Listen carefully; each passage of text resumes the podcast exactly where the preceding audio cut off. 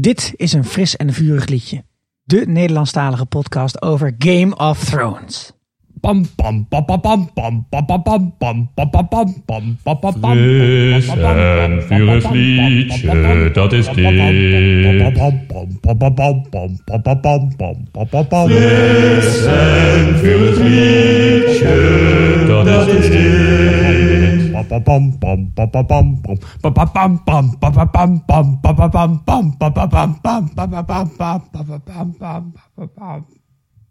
Welkom. Je luistert naar een speciale podcast-uitzending van Een fris en vurig liedje.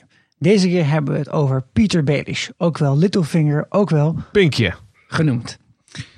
Mocht dit je eerste keer zijn dat je naar een fris en vurig liedje luistert, dit is een podcast die wij maken elke keer dat er een nieuwe aflevering van Game of Thrones uitkomt. En af en toe zo tussendoor als we daar zin in hebben. Gewoon omdat het kan. Gewoon omdat het kan. Naar wie luister je eigenlijk? Nou, aan mijn linkerhand zit hier. Eh, ik ben Guido, uh, aan eh, de Universiteit van Amsterdam. Dat klinkt heel chic. En de rechterhand. En ik ben Sander, ik geef lessen aan kleuters in dagelijks leven. In leerkracht. En mijn naam is Sikko en ik ben journalist. Maar dit is wat wij doen op bijvoorbeeld Tweede Paasdag. Nou, mocht je nou nog niet bekend zijn met wat het is om een podcast te luisteren... en dat een van je familieleden je dit heeft opgedrongen... tijdens een van de feestdagen die er nog te komen zijn... aankomende tijd als we Christus zijn gang van en naar de hemel aan het vieren zijn. Een podcast is een radioprogramma dat op je telefoon staat... wat je kunt luisteren op het moment dat het jou uitkomt. En hoe luister je naar ons? Nou, dat is eigenlijk heel simpel. Als je een iPhone hebt, dan ga je naar het programma Podcast, wat op je iPhone staat. En dan abonneer je je op een fris en vurig liedje. Als je een Android-telefoon hebt, dan download je een of andere podcast-client. Kan Soundcloud zijn of een ander programma. En dan abonneer je je daar op ons. En dan zul je ons elke week dat de nieuwe Game of Thrones afleveringen uitkomen, zien verschijnen in je nieuwe feedlist. Wanneer luister je naar een podcast? Nou, Sander, wanneer luister jij naar een podcast? Tijdens het strijken. Strijken, ja. Dat duurt lang af en toe. Zeker heel vangen lang. Maar als ik ons eigen stemgeluid in mijn oren hoor, dan strijk ik toch een stukje, een stukje sneller. En jij, Guido? Ja, in de, in de trein vooral. Maar ik heb een nieuwe ontdekt. Eh, My Dad Wrote a Porno. Over Mhm. een, een man wiens vader een pornografisch boek heeft geschreven. En dat is zo grappig. Dat ik elke keer gewoon mezelf heel erg moet inhouden om compleet te lachen uit te barsten midden in de trein. Mensen kijken me dan heel raar En aan dus het altijd. is zodanig erotisch dat je ook je tas op schoot moet zetten. Het is aan alle kanten een heel ongemakkelijke situatie, Oké, kan ik je vertellen. zo. Ja. Oh, oké. ja, ik luister eigenlijk Je heel vaak... als- stijf van het lachen in de trein. Dankjewel, Sander. Eh, ik luister meestal op de fiets. ja. Ik luister de laatste tijd eh, met heel erg veel liefde naar Reply All. Dat is een podcast over het internet. Zeer aan te raden. Hey, en eh, wat hebben jullie deze paasdagen eigenlijk gedaan? Ik heb bier gedronken en ik heb eh, Homeland het nieuwe seizoen gekeken. Serieus? Is dat nog steeds leuk? Eh, ja, als Carrie niet zo in- eh, fucking irritant doet, dat is de hoofdrolspeelster voor degene die niet kijkt. ja, ze is echt Nee, irritant. dat is prima. Oh man. dat heb ik Ik kon het niet kijken. Nee, ik ben opgehouden na seizoen 3. Ik, kon het niet meer trekken. En ik heb YouTube afgestaan naar Pieter Belis eh, fragmenten. Ja, heel slim. Ik heb eh dode muis gevonden in mijn oven. Dat was echt heel leuk. Stonk Ehm, ook een beetje in jouw ja, keuken. stonk echt afschuwelijk. Dat is niet te doen. Ehm, ja, ik was, eh, ik was naar Fatboy Slim gisteren. Dat was ook heel leuk. Ja, Dat is een meubelmaker, toch? Eh, ja, ja, Jezus. ja. En, en klassieke muziekproducent. Ah, kijk. Nou, ik ben naar de Matthäus geweest. Oh, leuk. Ja, ja, en ik heb House of Cards gekeken. Dit is inmiddels de, de vierde keer, denk ik, dat ik die seizoenen kijk. Ik ben aan het einde van seizoen 3. Ja, da- ik ben daarna met Homeland begonnen. Ik heb Ja? hem ook al helemaal gemarathond. Ja, en gisteren heb ik met mijn schoonfamilie Cards Against Humanity gespeeld in een eh Phoenixwijk in Houten. Oh, leuk. Daar kom ik Ja, vandaan. daar kwam de allerbeste vraag, vind ik, van 2017 kwam daar eh, op toen het kaartje de flashlight eh, in, de, in de handen van mijn schoonmoeder terecht kwam. Wat is een, wat is een flashlight? Dat is een, eh, ja, een prosthetische eh, kut. Oh, Ja, oh, voor mensen die geen kut hebben. nee, voor mensen die eh, niet hun handen kunnen leggen op... eh, Dergelijke materialen. ja. maar, maar de vraag van mijn schoonmoeder was, waarom moet daar dan een lampje in? Dus in eh menig mannenstudentenhuis met deze feestdagen zeiden ze kun je de flashlight even pasen. Ja, precies. Als hij niet in de vaatwasmachine lag. Nou, Dus. vandaag doen we dus een speciale aflevering over Pieter Baelish. Het kleine vingertje, het pinkje. En ehm, voordat we daaraan beginnen, even de vraag voor iedereen hier aan tafel. Wie is Littlefinger voor jullie? Nou, terwijl jullie nog aan het bijkomen zijn van het lachen, zal ik dan vertellen wat het voor mij is. Ehm, ik, ik kreeg een hele leuke tip aan de hand eh, van een vriend van mij die Dungeons and Dragons heeft gespeeld in het verleden. Dat heb ik overigens niet gedaan, maar ik kan me voorstellen dat sommige van onze luisteraars dat wel hebben gedaan. Dus eh, echt iets wat fantasy lovers heel erg leuk vinden om te doen. Ehm, en daar gaat het over character building. In, eh, in die wereld waarin je zo'n spel speelt. En daar wordt de wereld ingedeeld qua karakters op twee assen. Namelijk eh, lawful en chaotic. Dus oftewel mensen die een bepaalde regels volgen. Of mensen die helemaal geen regels volgen. En eh, tussen good en evil, dus goed en slecht. En dan komt Littlefinger voor mij toch wel in ieder geval in het spectrum chaotisch terecht. Littlefinger houdt van chaos, is helemaal verzot op chaos. Alles wat hij doet veroorzaakt chaos en dan probeert hij daar weer iets uit te halen. En het is nog een beetje de vraag of hij nou neutraal of kwaadaardig is. Want goed ga ik hem niet geven. Dus ik zou dan zeggen eh, chaotic neutral is ongeveer waar ik op uitkom. Ik denk überhaupt dat eh, de as kwaad en goed niet van toepassing is op de wereld van Game of Thrones. Nee, doet er gewoon niet mee eigenlijk. Nee, hè? dat Nee. is in Inventie komt dat wel vaak naar voren. eh, goed, en- goed tegen kwaad. Ja, Eh, de hele Sword of Truth series is compleet gebaseerd op dat hele concept. Maar in deze wereld, ze bestaan niet. Goede Nee. mensen bestaan niet, slechte mensen bestaan niet. Echte En dat hoofdrol bestaat het- ook niet. nee. Nee, maar het, ik bedoel, het is, het- die, die zijn er niet. Er zijn een aantal sleutelfiguren, maar er zijn er best wel veel. En Ja. dan gaan er ook af en toe een paar van dood. Ja, zoals in de laatste aflevering van zes seizoenen. Heel de kerk de lucht in knalt. eh, gehad. Ja. Ja, dat was een lang requiem wat we toen moesten zingen. Ja, inderdaad, ja. En wie is eh, voor jou eh, Littlefinger, Guido? Eh, ik, ja, ik ben helemaal met je eens inderdaad. eh, de chaos, maar dat is de manier waarop hij opereert. Ik denk, voor mij is hij iemand die komt uit ehm, een klein huis. Ergens eh, op de vingers. Daarom heet hij Ja. Littlefinger. Mhm. Ehm, en hij wil zichzelf naar boven werken in een wereld waarin je jezelf niet naar boven kan werken. Omdat het gebaseerd is op een, een koninklijk stelsel. Ehm, Feodaal. ja, een feodaal stelsel inderdaad. En dat is zijn probleem. En daarom, dat, dat frustreert hem heel erg. En daarom wil hij steeds meer macht verzamelen om de andere Ja. mensen te laten zien dat het wel kan. Dat je dus zelfs als je... Ja, hij wil een goed rolmodel zijn. Nee, nee, hij Hij wil, is een zichzelf fucking slecht rolmodel. hij wil zichzelf bewijzen tegen Oké, anderen. ja, ja, ja, ja. ja. Dat, Hij ja. wil dat andere mensen inzien dat hij geweldig is. nee, hij gaat niet binnenkort Littlefinger University stichten. Nee, en dan, nee, nee, nee. Lijkt me een heel slecht idee om daarheen te gaan. Nee, ik, ik sluit me aan bij het verzamelaargedeelte. Want hij is heel goed in het verzamelen van mensen. En de bijbehorende stukken grond of kastelen. ja, nee, ik bedoel, dat, dat doet, hij, dat doet hij zeer effectief. En ik denk dat we dat een aantal keer wel gaan eh, merken bij deze aflevering. Dat in de verschillende seizoenen hij mensen of kidnapt op een bepaalde manier. Of gewoon voor zich wint. Of zorgt dat hij zich bij hem scharen. Waardoor hij ook over bepaalde regio's eh, gewoon meer zeggenschap krijgt.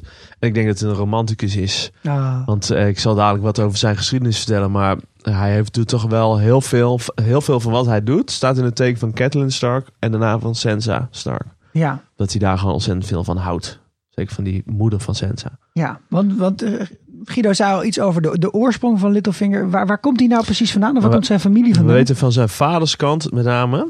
dat hij eh, overgrootvader van Littlefinger was een, eh, een huursoldaat uit Bravos. En die is eh, in een van de huizen van, van de Fingers. En de Fingers, dat zijn zeg maar die, die gekke vingers aan land in het oosten van Westeros. Een beetje Ja. in, het, nou ja, in het midden, zeg maar. Ja, als je er een kaart bij pakt, hè, dan kun je zien dat je hebt de Erie. Dat ligt een, Ja. best wel een klein eindje boven King's Landing. Het zit helemaal in de bergen. En helemaal aan de noordkant van de Erie heb je een aantal landtongen die een beetje in de zee hangen. en maar- die noemen ze de Fingers. Het is lijkt een beetje op Zeeland, zeg maar qua Ja. eh, formatie, maar ook zeg maar de, de eh, zuidwestelijke punt van eh, Groot-Brittannië. Ja, Zeg het goed? Ja, inderdaad. En daar, komt, daar is die, die, die overgrootvader ooit een keer geland. En die is bij een van de huizen die daar eh, zijn, is hij ga- gaan dienen. ja, het zijn allemaal kleine huisjes daar. en vervolgens eh. is zijn opa eh, ridder geworden. En heeft een kasteel gekregen op het, een van de kleinste stukjes land op de kleinste vinger. Mhm. Van de vijf vingers of zes vingers. Daarom is het Littlefinger geworden uiteindelijk. Ja, Nee, nee, nee. Eh, Pinkje, toch? Pinkje. Pinkje. Sorry, ja, Pinkje. Ja, Ja, maar dat dankjewel past niet de eh, bij de... toch een Nederlandstalige podcast. Het blijft een Nederlandstalige podcast. Eh en toen is zijn vader bevriend geraakt met Hoster Tully. En dat is de vader van Catelyn Stark en Lysa Stark. Oh, uit River. Eh Lysa, eh, Lysa Tully natuurlijk. ja. Goed. En vervolgens is Pieter, oftewel Pinkje, Ja, Eh, die is zeg maar... Pieter want- of wel Peter. Nee, je hebt een soort eh, traditie dat kinderen worden eh, ge- ja, gefosterd, zeggen ze. Die worden uitgeleend aan Ja, andere hè? bevriende huizen om daar op, op te groeien en eh strijd Ja, een soort eh, van, eh, dingen te leren. En, eh, ja, Ja. een soort pleeggezin. ah, dat is meestal een soort van teken van vertrouwen. Ja, of gijzeling. Ja, gijzeling ook wel hoor. Het is Ja. eh, om macht ook te houden Kijk maar over naar andere Theon huizen. Greyjoy. Die is Ja. na, de, na de laatste rebellie van zijn vader, Ja, van de ijzergeborenen. van de Ja. IJzerbornen, uh, gefosterd aan eh ja, de House en in zekere zin is Sansa natuurlijk ook heel lang een soort van gegijzeld geweest eh, van de Ja. Starks, maar dan in King's Landing door Joffrey. Ja, ja het, is, het is niet echt een... is- vaak is het eh, leverage. Ja, maar je- dit was toch in de positieve zin met uh, Ja, ja, want Littlefinger? Ja. Nee, want eh, de, de opa van, of de vader van eh, Littlefinger en de vader van, eh, van Catelyn Stark, die hebben samen eh, de, de War of the Nine Penny Kings, een van de oorlog gediend. En daar zijn ze zeer bevriend geraakt. En toen is Peter Baelish op achtjarige leeftijd naar Riverrun gegaan. Mhm. Om daar op te groeien met Catelyn en Lysa en Edmure. AK. Oh, Edmure. Welke was dat ook alweer? Is dat die, die loser? die of is de, Edward, die, die zit nu in de gevangenis bij de... bij de? Bij. Freys, Ja. ja, Aan het einde van het laatste seizoen. Jongen, jongen, jongen. Ja, dat, eh, Dat is de geschiedenis. Ja. Nou, en dan, eh, dat is een beetje het pre-seizoen 1. We komen nog wel terug op een paar onderdelen die, ehm, die voor de serie en ook voor de boeken zich af hebben gespeeld. Maar dat doen we eigenlijk zodra we door de seizoen heen lopen. We lopen er gewoon vanaf seizoen 1 doorheen. En eh, in seizoen 1, dat is een beetje het seizoen met de, met de koptitel I Told You Not To Trust Me. Waarin het grootste verraad van, eh, van Littlefinger tot nu toe, zeg maar, eigenlijk ooit wel in zit. En dat begint als Littlefinger op de Small Council, dus de kleine raad van de koning zit. En daar is hij de penningmeester. Ja. Ja, zoals het goed... De eh, thesaurier. Elke vereniging heeft een penningmeester. ja, ja, nee, ja, Ja. Dus er is een koning, een kleine hand en een penningmeester. En hij Ja, is ook wel de koning van de potjes eh, genoemd. Want hij, hij haalt ze overal vandaan het geld. Precies. Maar Guido, hoe komt het eigenlijk dat hij penningmeester is geworden van het hele koninkrijk? Dat is best wel een invloedrijke positie. Eh, nou ja, hij, is, hij komt dus uit de Vingers. In, daar heb je een aantal eh, kleine huizen inderdaad. En hij is toen eh, aangesteld als penningmeester weer van, van de eigenlijk een soort van de douane daar. Ja. Want ehm, er komen heel veel schepen vanuit Bravos komen binnen op de Vingers, omdat het precies... Ja, het ligt super dichtbij ligt, natuurlijk. ligt super dichtbij. Ehm, en hij is daar aangesteld door ehm, de man van ehm, John Aaron. Ja, Ehm, omdat Lysa haar man had overtuigd om dat te doen, omdat Lysa verliefd is op Pieter Baelish. En die was hand van eh, Robert Baratheon, hè? Ja. Die, Ja. eh, John dat Arryn. is de man die we in de eerste aflevering dood zien liggen. Met die steen op zijn gezicht. Ja, en daar begint eigenlijk dit hele seizoen hele- begint hiermee. Ja, Maar dus eigenlijk op heeft dat hij aan moment die man die dood is, heeft hij te danken dat hij de penningmeester is geworden. Uiteindelijk van King's Landing, want hij heeft het heel goed gedaan, blijkbaar. ja dus ehm, hij was, eh, John Arryn was op dat moment nog niet Hand of the King. Ehm, maar die heeft toen wel eh Pieter Baelish aangesteld als daar de penningmeester van eh, Ja. Oh ja, ja. een klein huisje.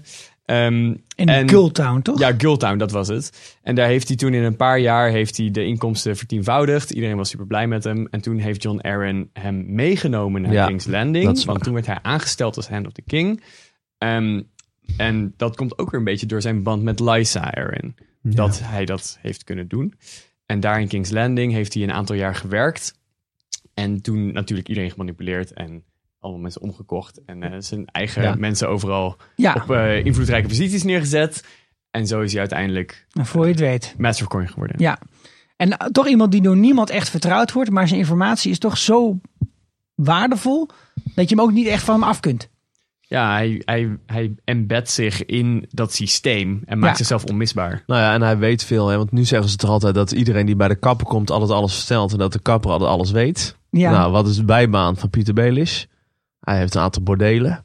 Nou, je vertelt misschien toch wel veel tegen die Ah, ja, af ja. Ja, ja, dus dat dat, is hij misschien heel- daar ook wel veel mogelijkheden tot afluisteren heeft of zo, weet ik niet. Maar ja nou, hij staat ook heel vaak in shots zo even tussendoor. Staat hij even door een kiertje heen te gluren of mensen af te luisteren.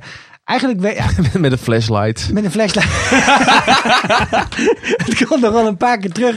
Pieter Baelish weet ook heel veel dingen vanwege het feit dat hij zo'n bordeel heeft. En dat maakt echt uit. Ja. Mm. Dat, dat geeft hem een heel erg groot eh, voordeel ten opzichte van anderen. Maar als penningmeester, master of coin wordt het dan genoemd hè, in, de- in de serie, heeft hij het niet zo heel goed gedaan volgens mij.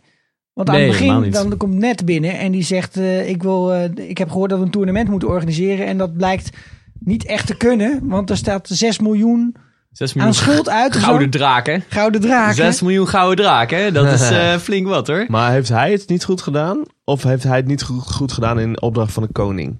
Nee, hij heeft het niet goed gedaan expres om zijn eigen doelen te behalen. Oh, wacht even. Het klinkt Maar- alsof hier een complottheorie aankomt. Maar hij, zegt- maar hij zegt dat het door Robert Baratheon komt. Ja, Dat natuurlijk hij zegt alleen hij maar dat. hoeren en eten en noem maar Hij op. gaat toch niet zeggen van... Oh ja, jongens, ik heb trouwens ehm 6 miljoen schuld eh, gemaakt... zodat ik Ja. zo meteen jullie koninkrijk kan komen Ja. vernietigen. Dus even opstelt, hier heb je het bonnetje, maar ik zeg het niet. ik schrijf het gewoon onder mat, want dan kunnen er vier politici overvallen. Nee, Nee, maar dat was nog in nou guldens. Was in guldens.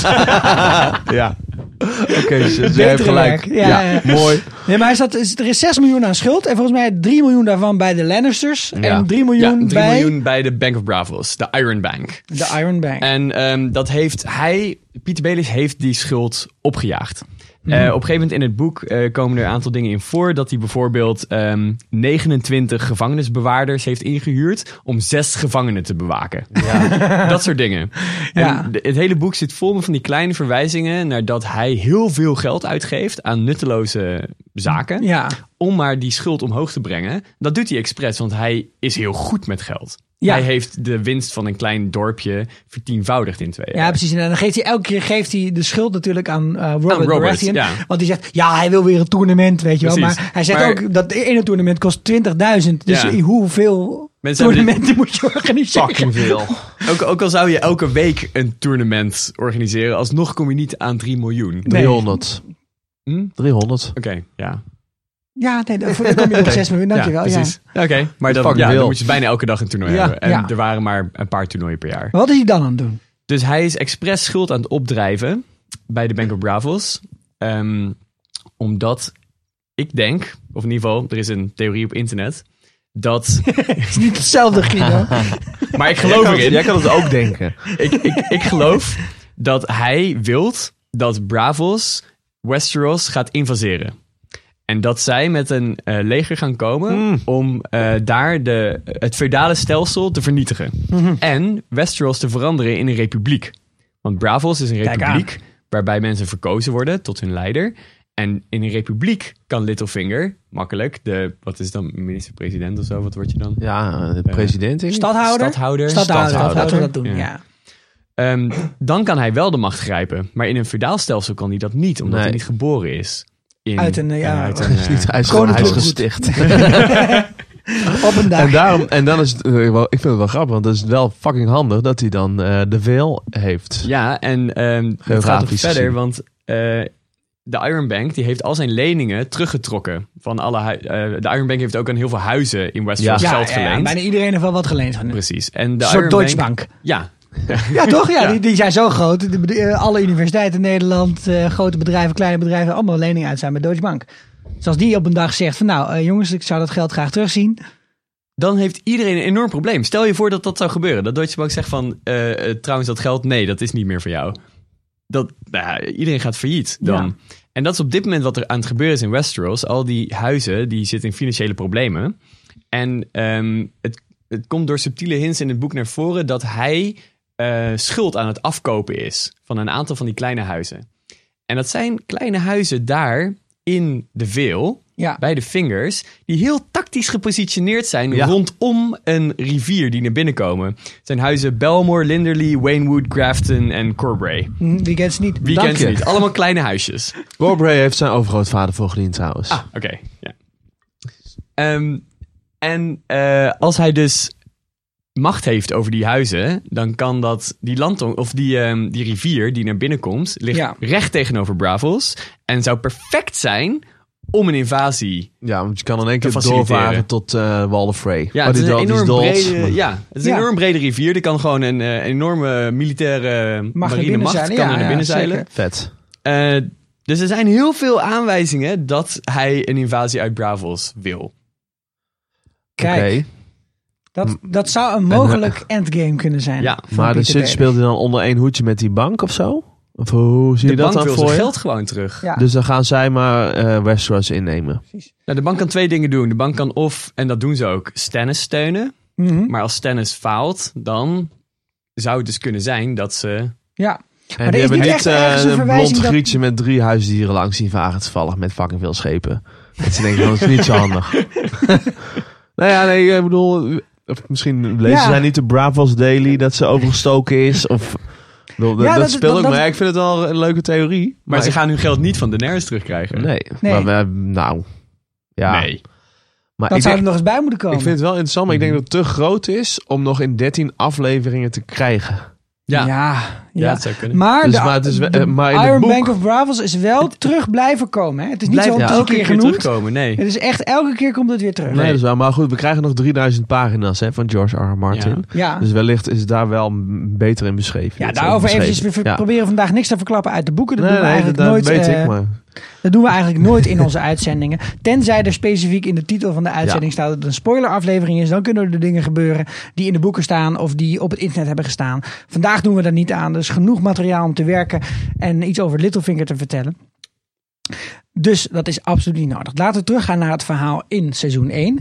Ehm, Littlefinger die komen we eigenlijk voor het eerst echt tegen natuurlijk dan als Master of Coin. Maar hij begint een echte rol te spelen op het moment dat ehm Catelyn aankomt in King's Landing. Ja, want die komt daar aan omdat... Omdat er iets is gebeurd, namelijk haar Ja. kleinste zoon, jongste zoon Bran is uit het raam op ene gedonderd. jongste zoon Brand is uit het raam gestonden. Oh, dat is waar, ja. Rickon eh, die was toen nog eh, in leven. De zigzag motherfucker. die is, eh die Apocalypto! Nee, eh, Brand was uit het raam gevallen. Yes, en dan ligt hij daar een beetje in dat bed en dan is hij net uit zijn coma eh, ontwaakt. En op dat moment wordt er een moordaanslag op hem gepleegd. Ja, wie, wie herkent het niet? Ja, het is, Gebeurt me elke keer. heel, ja, het is wel heel typisch voor Game of Thrones overigens. Maar Met niet zeer herkenbaar eh, wapen.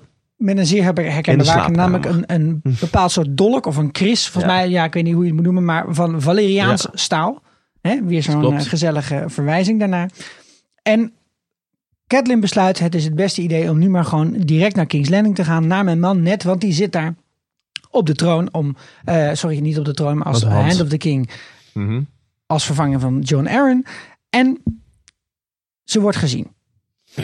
Door Peter Baelish, die haar meeneemt naar een prachtig etablissement. Ja. Het is een soort hotel dat Ja. ook services biedt. Ehm, ja. ja, sorry. En eh, als ze daar binnen zijn, krijgen ze iets te horen. Namelijk, eh Catelyn heeft dat mes meegenomen, die dolk. En die dolk, die, daarvan willen ze weten van wie die is. En Peter Baelish zegt... nou, Pieter Tegen die... Net en... tegen... eh, Net en Catelyn. Net zijn Net- al, hè? ja, ja, ja. Want eerst heeft net Pieter Belis bijna doodgemaakt... omdat hij dacht dat Pieter Belis een grapje maakt... dat zijn vrouw in de bordeel zat. Ja, wat wel feitelijk zo was, Ja. maar niet be- bedoeld zoals... eh, Maar Noorderlingen goed zijn net eh, Duitsers, hè? We kennen geen humor. oh, Schijnt. heel gevoelig onderwerp. Eh, in ieder geval, ehm, Pieter Baelish geeft Tyrion de schuld. Of in ieder geval de schuld. Hij zegt dat Tyrion dat mes... dat je- hij het mes heeft verloren aan Tyrion op een toernooi. Precies. Wat niet zo is. Dat is, Wat niet zo dat is? is gelogen. Denk Ja, ik. want Weet je het zeker? Nee, want hij heeft het aan eh, Joffrey gegeven voor zijn name day. Oh, Tyrion. Ja. Ja, ja, is dat zo? ja. Ja. Dat wordt volgens mij later bevestigd. Of in het boek of in... eh, ja. Oké, dus misschien is het waar dat hij het heeft verloren aan Tyrion, maar hij weet dat Ja. dat mes bij Joffrey terecht is gekomen. Ja, want eventjes voor iedereen, ook voor de helderheid. We nemen dan ook wel even aan dat je alle zes seizoenen hebt gekeken tot op dit punt. En dat je daar wel naar kunt luisteren. Maar Joffrey is degene die de moordaanslag hè, Ja. heeft beraamd en heeft laten uitvoeren op... En waarom die Ja. zegt Bran. dat Tyrion het gedaan heeft... is omdat net eh, later in het seizoen nog nodig is in King's Landing. Denk ik. precies. Want ik denk, als, jo als hij als net erachter zou komen dat Joffrey het gedaan had, dan zegt hij, dan ben je de groeten. Ik ben er klaar mee. Misschien Ja. wel gaat hij een oorlog ontketenen of zo Ja, in- vanuit ja. het noorden. ja, en Tyrion dat- is net een beetje ver, te ver weg daarvoor. Ja, Tyrion was de enige die wel in het eh, gezelschap van de koning was. In het noorden. Precies. eh, die op dat moment niet in King's Landing was. Nee, want of hij zit was, namelijk hij op de- muur. Hij, Precies. hij wilde graag van de muur, van de edge of the world afpissen. Ja, en dat heeft hij gedaan. Eh, En- en eh Littlefinger heeft net nodig in King's Landing om een koep eh, uit te lokken bij hem. Dan, en daar gaan we het later nog wel over hebben. Nee, Ja. want dat... Maar daarvoor is het Ja. heel erg belangrijk dat hij dus wel op een of andere manier iets met dat mes te maken heeft.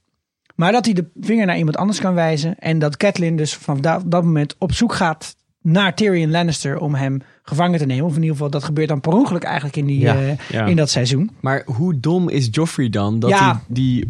Zeg maar, ik ga toch ook niet een huurmoordenaar inhuren en dan zeggen van. Oh, neem deze handschoenen die mijn Ja. vingerafdrukken Ja. erop hebben. Zodat je zeg En mijn maar. dagboek. En mijn bibliotheek past. Nee, nee. En je zet het ook even op Facebook. Ja, Ja, precies. Dat, dat, dat heb ik ook nooit begrepen aan zeg maar, die Nee, hele begrijp het identificatieplicht dat dat tegen terrorisme zou werken. Want nee, nee, inderdaad. Hij, die, die gast die, die zichzelf op gaat blazen, neemt ook zijn pas mee. Ja, dat is- vaker zo. Of hè, die, die heeft niet iets vervalst bij zich. Ja, Joffrey is niet het, het, het, het helderste licht, maar Nee. dit is wel heel erg dom. Ja.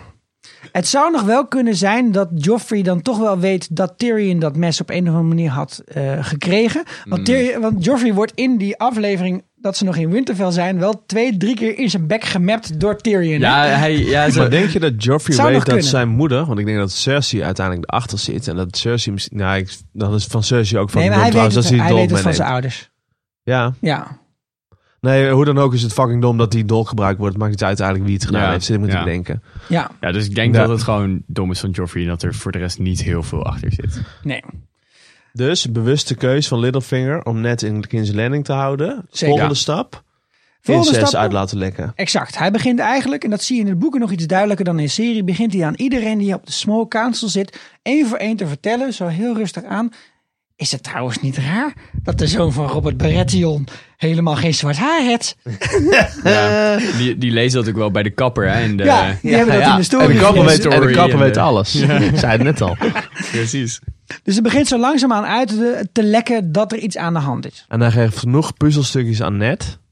Want Ned is ook dom genoeg en eervol genoeg om het verder, echt verder uit te gaan zoeken. Ja. En echt de gangen van John Aaron na te gaan. Want de laatste woorden van John Aaron waren... Seed is strong. Ja, De seed is strong. Uite- Uiteindelijk komt hij erop dus dat de, de haarkleur en de blauwe ogen bij de Baratheons altijd eh, doorgegeven worden. ja. En dat is bij, dit bij dit geval, bij deze casus, niet zo. precies. Ze hebben alle drie die kinderen ook niet. Dus het Zijn fucking blond. te worden, ja. Hij komt ook aan het boek net dankzij Peter Baelish. Of heb ik dat verkeerd? Ehm, dat weet ik niet. Nee, de Parcel heeft hij het gevraagd welk boek hij voor het laatst geleend had. Oké. Ja, En- ja. Aan ja. de Hand of the King. Oké, wat zou ook heel dik bovenop Mhm. liggen als Pieter Baelish dat boek ook nog even in zijn postvakje had gestopt. Ja, ja, heel jongen. Hier, en ik wil dus vervolgens dat jij eh, de troon over gaat nemen, want... ja, Nou, noem op. maar net komt er ook achter. Die spreekt met een paar mensen in de stad. Onder andere de, de, de blacksmith. Hè? De, de, de, de- hoe noemen we dat in het Nederlands? De edelsmid. De Smit. Nee, niet de, ja, De precies, Smit de gewoon. smid, ja. ja. En En die waar Gendry ook- werkt. Precies, die heeft ook een eh, jongen in dienst met gitzwart haar, blauwe ogen. En eh, die, eh, die schijnt toch iets met Robert Baratheon te maken te hebben. Ja. En dan komt het min of meer uit. Net weet wat er aan de hand is. En die maakt de cruciale fout, hè? De cruciale fout in het gesprek met Cersei, waarin hij tegen haar zegt: Ik weet het, ik geef je een dag om op te zoden flikkeren Ja. met je kinderen en weet ik wat meer. Er worden ze niet afgemaakt. Hij doet het eervolle. Ja, maar dat is een van die eh, wandelingen door de tuin. Ja. Seizoen Ja. 1 zit vol met wandelingen door de tuin. Ze zijn de hele tijd door die fucking tuin heen aan het wandelen. En dingen aan het bespreken met elkaar. Ja, maar dat had hij dus nooit moeten doen. Nee, dat was heel Ik denk dat eh, Littlefinger Ja. bedacht heeft dat Ned Stark dat zou gaan doen. Ik denk dat Littlefinger dat heel goed begrijpt. Want ja. ook dat is eh, voor Littlefinger belangrijk. Want hij wilde uiteindelijk... Want de enige, waar de, de enige eh, gewapende mensen waar de Master of Coin invloed op heeft... zijn namelijk de, eh, stads, de, ja, de stadswachten. ja, dat is de in welke stadswachten. baan, maar de, de, de de-. De De ja. Dus de mensen die de orde hand... De politie van King's Landing, zeg Ja. maar. Laten we het zo noemen, denk ik. Ja. Ja, ja. En, dan- dus dat is en- niet de Kingsguard. Dat zijn echt maar zeven mannen met Ja. een heel specifieke uiterlijk en eh, pakje aan. Vier? Zijn het er maar vier? ja, vier. En eh, fucking mooie breastplate. Ja, die niet gestrest hoeven Ja. te worden. en de, die, die, de gold cloaks, dat zijn degene die je eigenlijk rond ziet lopen. Die af en toe even als een ordeverstoring Nou, is komen. ordehandhaving hup, zijn ze. die lossen het Ja, even op. en Littlefinger heeft die, die betaalt ze. Ja, Ja. En die, ehm, dat is ook nog een van de punten dat hij veel te veel goldcloaks inhuurt voor Ja. wat nodig is. Ja, om maar weer is extra, dom, ja. extra schilden op te Ja. eh, jagen. maar ook extra macht te hebben Ja, natuurlijk. ja, dat in is waar, ja, iets ja. misgaat. Ja. Ja, en er is een, eh, toch een heel bijzonder moment waarop Littlefinger nog aan het praten is met Ned. En hij probeert Ned te overtuigen om toch maar die troon te grijpen. The king has no true-born sons. Joffrey and Tommen are Jamie Lannister's bastards. So, when the king dies... The throne passes to his brother, Lord Stannis. so it would seem. Unless. There is no unless. He is the rightful heir. Nothing can change that. And he cannot take the throne without your help. You would be wise to deny it to him and to make sure Joffrey succeeds. Do you have a shred of honor? Ik besef me nu pas. Hij, hij- Littlefinger is Frank Underwood. Hij is Frank Underwood. Ja. En, en het past ook wel bij mijn eerdere theorie dat hij, en van Guido ook, dat hij een verzamelaar is. Want Underwood verzamelt ook mensen. Precies. En mapjes, En hè, over dingen die en die over mensen, mensen die, gedaan- die mensen op hun kerfstok hebben om tegen ze te gebruiken. Ja. En dit vind, ik, dit vind ik wel fucking vet. Alleen wat ik wel naïef vind, is dat Littlefinger hier nog denkt dat Joffrey te beïnvloeden is. Ook met iets zoals dit. Dat is namelijk niet zo, want Joffrey Nee. is een ongeleid projectiel. En dat hij denkt dat Ned hierin mee zou gaan. Ja. Want hij weet dat Ned niet zo'n persoon Ja, is. dat vind, ik ook, ja, dat vind ik ook een vet stuk. Do you have a shred of honor? Vraagt hij en hij geeft gewoon geen antwoord. Nee, maar net is in, een, zeg maar in die eh, indeling die ik eerder gaf. Net is gewoon een lawful good person. Ja. Echt, hij is de vereenzelviging. En daarom denk ik ook het hele eerste seizoen. Nou, dan wil je, weet je, net gaat het wel redden. Want Daarom geeft hij Cersei ook 24 uur de kans. ja, precies. Iemand gewoon anders dom is. gezegd, fuck dat, ik maak er af. Naïef. Nee, maar ja. Littlefinger is in dit geval echt, hij is de Machiavelliaanse politicus. Ja, vet. Hij heeft gewoon helemaal bedacht van daar, daar zit zijn belang, daar zit haar belang. Zo moet je hem spelen. En uiteindelijk wil hij maar een modest price. Ja. Een modesty priced receptacle is wat hij wil. Want hij wil, ik- hij zegt het volgens mij niet eens in deze scène, maar volgens mij wil hij gewoon lord van iets worden, weet je wel. Zo moeilijk kan hij, of, of hand of the king of zoiets zou hij willen worden. ja. Hij wil eigenlijk misschien wel de nieuwe Tywin Lannister worden. Nou, dat is niet een modest price, denk ik. Nee? Tywin Voor- Lannister, zeg maar, hoofd van een van de grootste huizen. Nou, niet, hij wil niet een Lannister worden. Maar ik bedoel, Tywin Lannister was tijdens de Mad Kings Oh, zijn, eh, zo, zijn, dat hij, zijn, Hand of the King was. hij Hand of the King. En Ja. iedereen zei altijd over Tywin Lannister.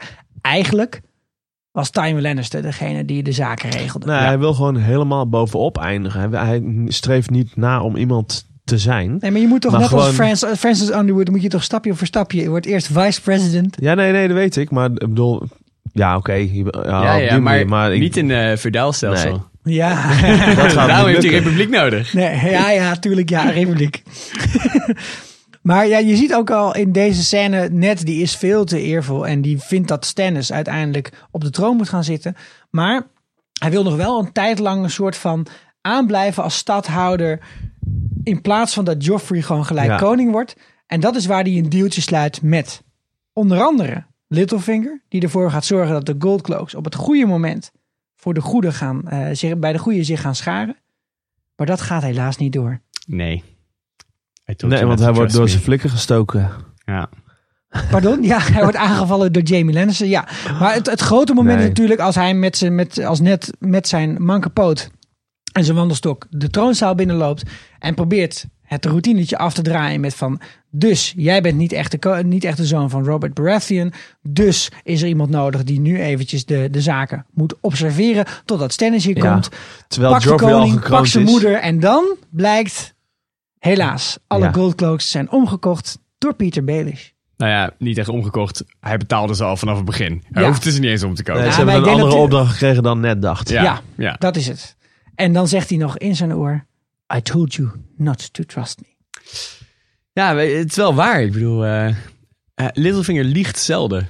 Hij- ja, nou, inderdaad, hij liegt nooit, maar hij vertelt ook nooit de hele, waarheid. Nee, hij vertelt een heel Nee, klein stukje van de waarheid. Hij verzwijgt Ja. wel heel veel. Ja. Hij, vertelt een andere waarheid. Nou, een heel pijnlijk einde voor eh, seizoen 1, in ieder geval voor Ned Stark. Dat gaat best Niet wel voor- snel volgens mij niet hoor. voor Ik weet niet Littlefinger. of er heel veel pijn is. Ja. Ja, en dan En- wordt net onthoofd. Klaar. Precies. Aflevering 9, dan is nog die hele awkward aflevering 10, weet je wel, waarin al dat Ja. gehuil zit. En eh, nou, voor je het weet ben je in seizoen 2 aangekomen. En in seizoen 2 is er voor Baelish eigenlijk nog niet heel erg veel veranderd. Hij is nog steeds bordeelhouder van beroep. En hij is nog steeds Master of Coin als een soort van eh, hobby. dat doet hij erbij. En wat ik zelf nog heel erg eh, typerend vond. We kregen een vraag namelijk over Twitter toegestuurd. Met van, joh, gelooft Pieter Baelish nou gewoon niet in dat er een Army of the Dead aan de andere kant van de muur staat. Of dat er draken zijn. Of weet ik wat niet meer. En dat laat zich best wel goed zien in een van de eerste scènes van seizoen 2. Dan zitten ze met de Small Council aan tafel. Dan wordt er een kooi op tafel gezet met een witte raaf. En dat zegt, het is het einde van de zomer. Binnenkort komt de winter. En ondertussen komt er ook een brief binnen van Lord Commander Mormont. Die zegt, ik ben trouwens vannacht aangevallen door iemand die dood is. Ja, En dan zit iedereen smakelijk te lachen over dat dat allemaal niet aan de hand is. En Tyrion Lannister, die net van die muur komt, die zegt: Nee, maar het, echt, het is echt waar. En dan zeggen ze: Ah, joh, geloof je ook in, eh, hè, geloof je ook in feeën en goblins, weet je wel. en eh, Pieter Belis, die lacht daar vrolijk om. En die zegt: Jongens, niks aan de hand. We hebben gewoon vijf jaar lang graan nog. En eh, weet Ja, je wat, als, het dan, als dat niet ja. genoeg is, dan hebben we gewoon wat minder burgers. ja, ze bereiden zich met name op voor op alle oorlogen die aan het komen zijn. Want het noorden is op een gegeven moment bezig met, eh, met de shit is aan. Ja. De shit is aan het noorden, de shit is aan bij Renly, de shit is aan bij Stannis.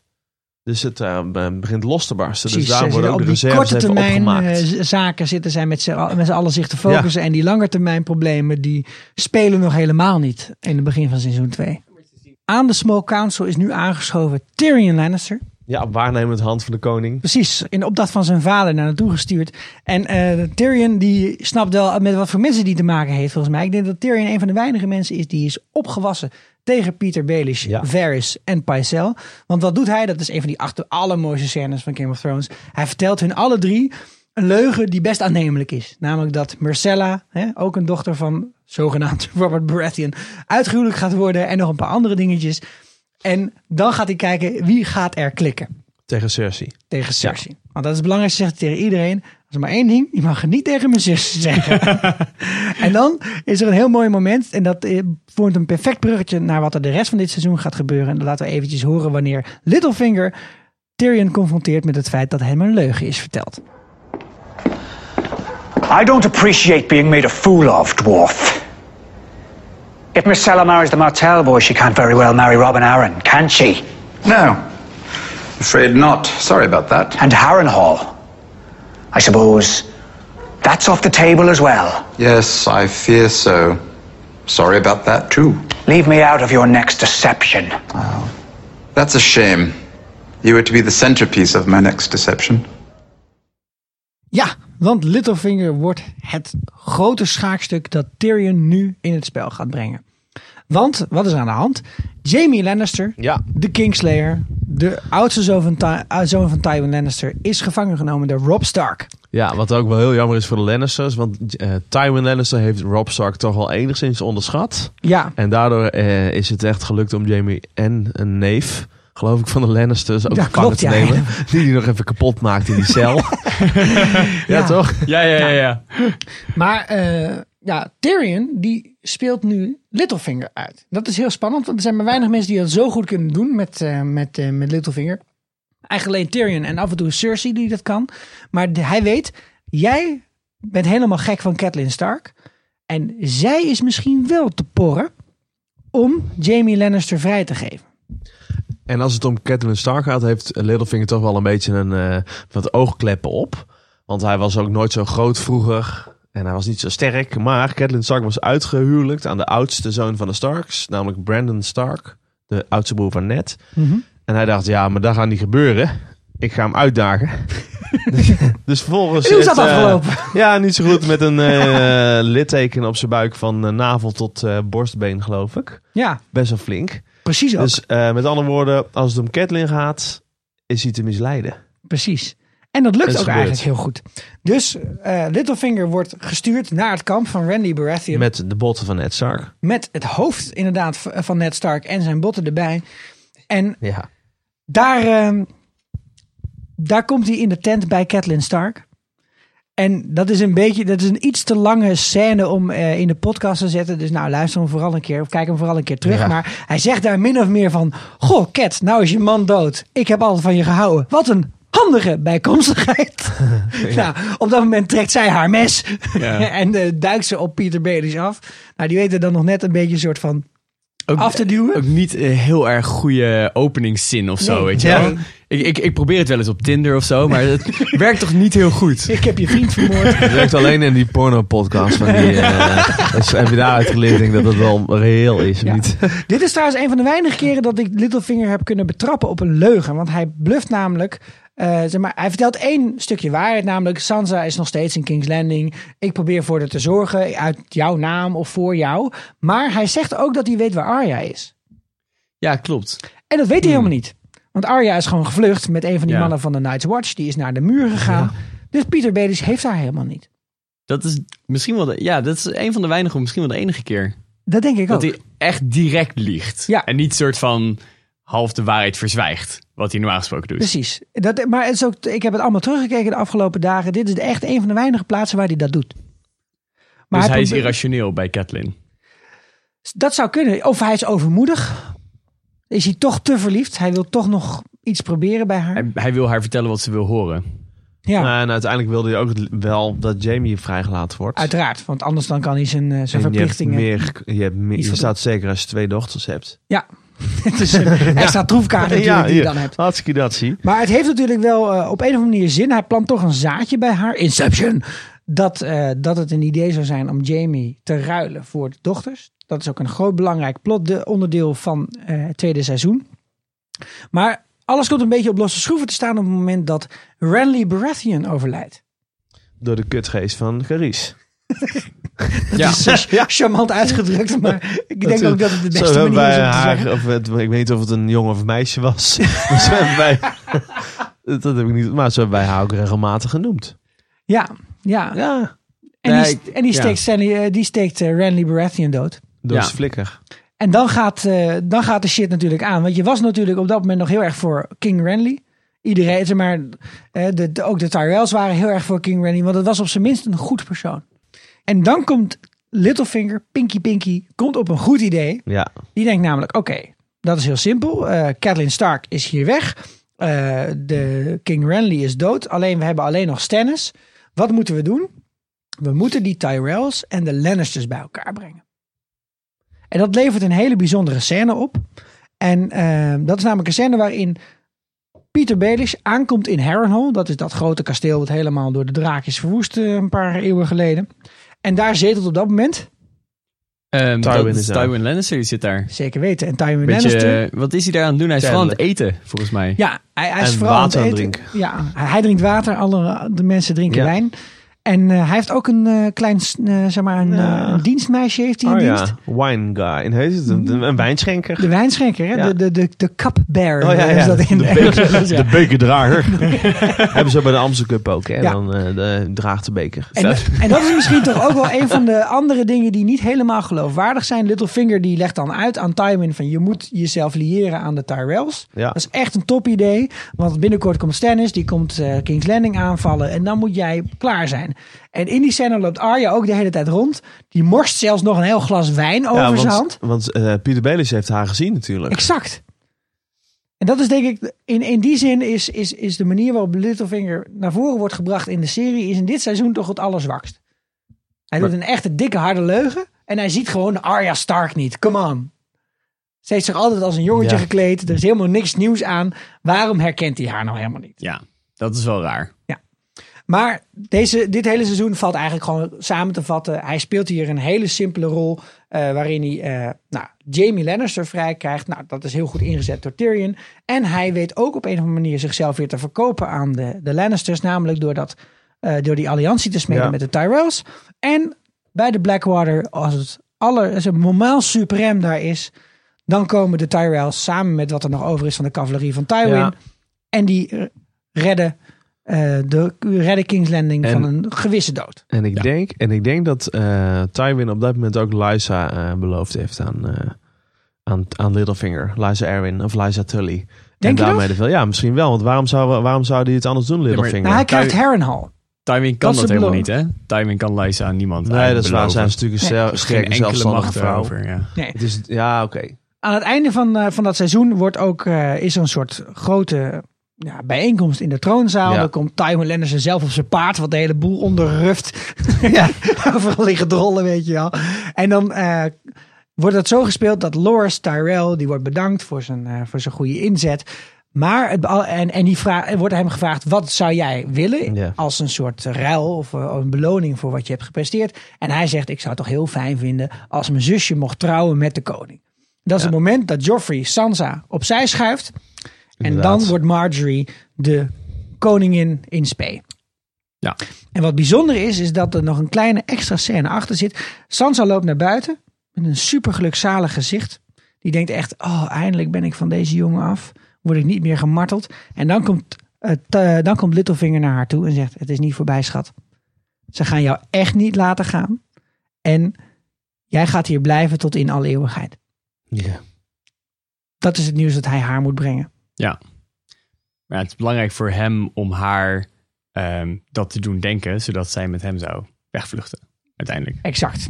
Want dat brengt ons bij seizoen 3 eigenlijk. Waarin bijna in het begin al wordt beloofd aan Sansa door Littlefinger.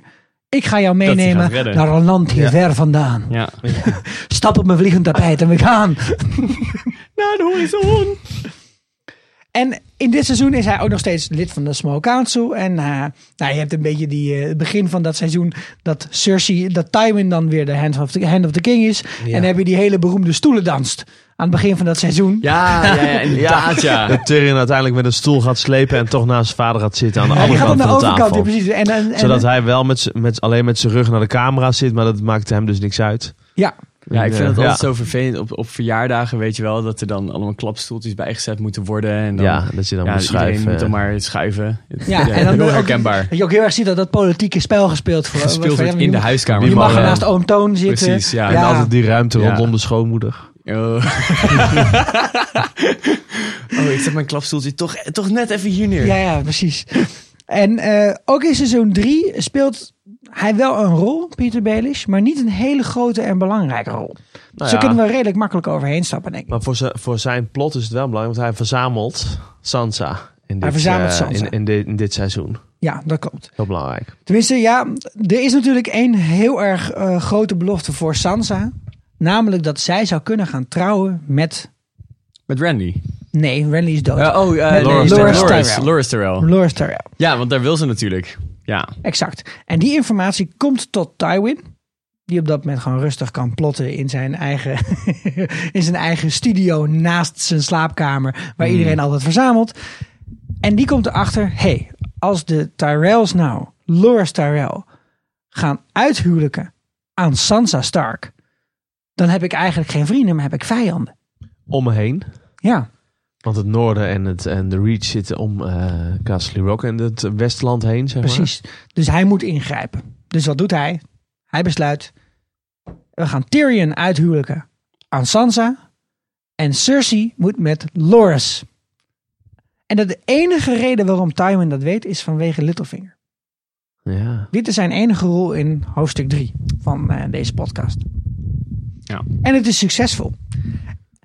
Nou, het is misschien een beetje weinig om het daartoe te reduceren, maar het is eigenlijk wel ongeveer het allerbelangrijkste wat er gebeurt in dit seizoen. Waren het niet dat de grote aardsvijanden Varys en Littlefinger elkaar aan het einde van dit seizoen nog tegenkomen.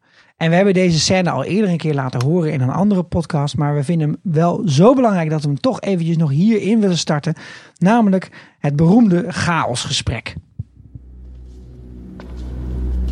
I did what I did for the good of the realm. The realm. Do you know what the realm is? It's the thousand blades of Aegon's enemies. A story we agree to tell each other over and over till we forget that it's a lie. But what do we have left once we abandon the lie? Chaos. A gaping pit waiting to swallow us all. Chaos isn't a pit. Chaos is a ladder. Many who try to climb it fail, never get to try again. The fall breaks them.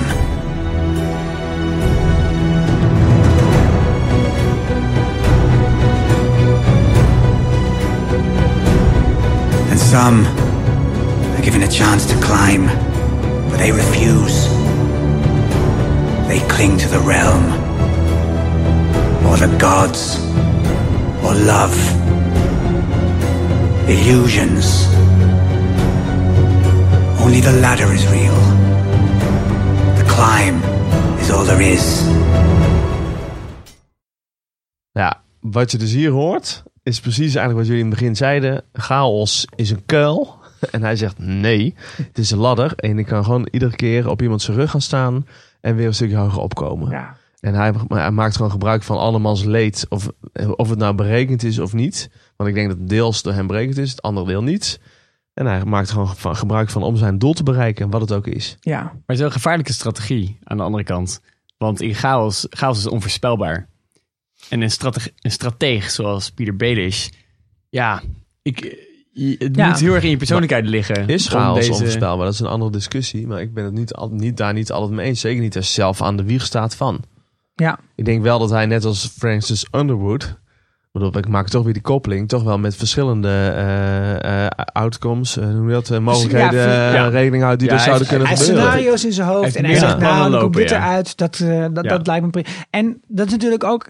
Dan in die zin is Peter Baelish ook iemand die heel trots is op zichzelf. Hij heeft veel scènes ge- gebruikt die voorbeelden van wat hij allemaal wel niet heeft bereikt. En hoe, hoe geweldig hij zichzelf wel eigenlijk niet vindt. Ik heb gezegd, het is een romanticus. Hij houdt ook van zichzelf, hoor, met Ja. name. Ja, nee, maar hij, hij gelooft ook in zichzelf. Hij denkt, er ga- gaat iets gebeuren, een of andere verschrikkelijke situatie. Ja. Maar daar weet ik mijzelf wel uit te, uit te winnen. En dan ben ik degene die bovenop eindigt. En in plaats van onderop. Ja. Daarom, denk, daarom is hij daar niet zo bang voor. Nou, wat ook nog in deze scène zit, maar het is een hele lange scène, ze hebben niet alles laten horen, is, ehm, is dat Littlefinger hier Varys ook direct eh, confronteert met het feit, het, het plan van Varys, namelijk om Loras Ja. Tyrell aan Sansa uit te huwelijken. Hij dist hem Mislukt. Ja, hij dist, ja, precies. Hij dist hem En? keihard. En hij zegt op een Hij heeft gegeven een nieuw moment... vriendje. Hij heeft een nieuwe vriend. Een nieuwe vriend die wat meer risico durft te nemen. En dat is een prachtig bruggetje naar seizoen 4. Waarin vo- voor het eerst wordt, eh, wordt hij belangrijk in seizoen 4. Hij is namelijk niet aanwezig in eh, King's Landing. Hij is in de Vale. Daar is hij lekker aan het chillen.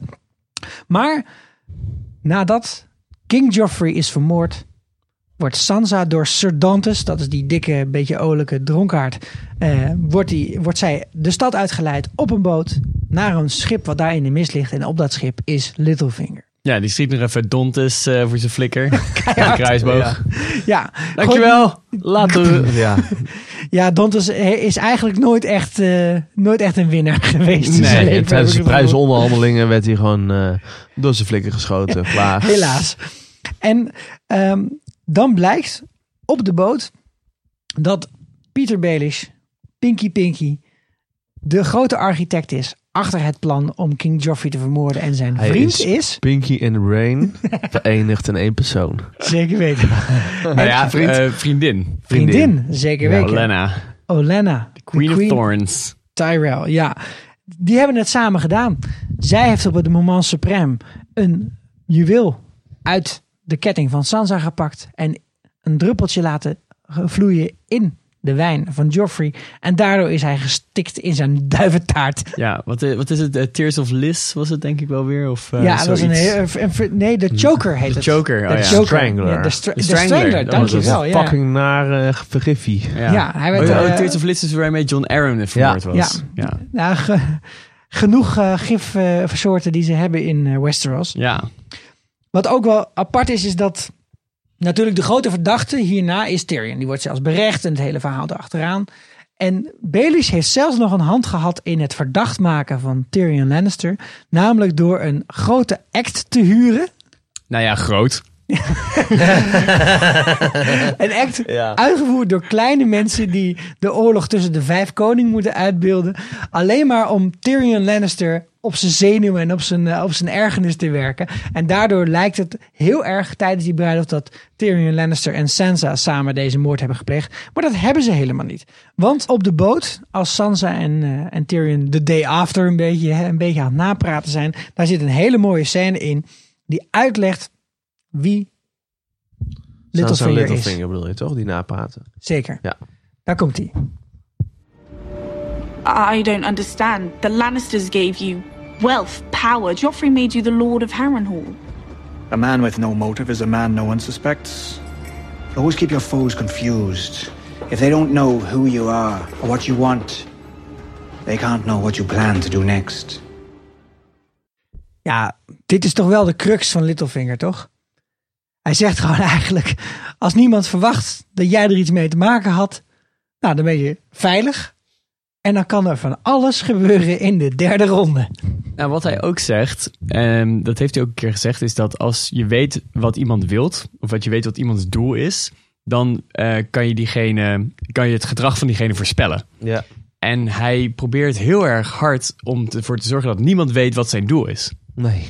Want daardoor blijft hij zelf onvoorspelbaar. Ja, Daarom kan hij ook eh, zomaar op iemand anders pinnen dat hij uh, Erwin door dat gat heen dondert. Ja. Later in dit seizoen. zeker. Ja. Want ik bedoel, niemand verwacht ook dat hij haar dood wil hebben, want ze houden al vanaf eh, de begin der tijden van elkaar. ja, bedoel, hij heeft ook nooit uitgesproken dat het heel erg van Catelyn is, namelijk. Hardop. dat in de is waar.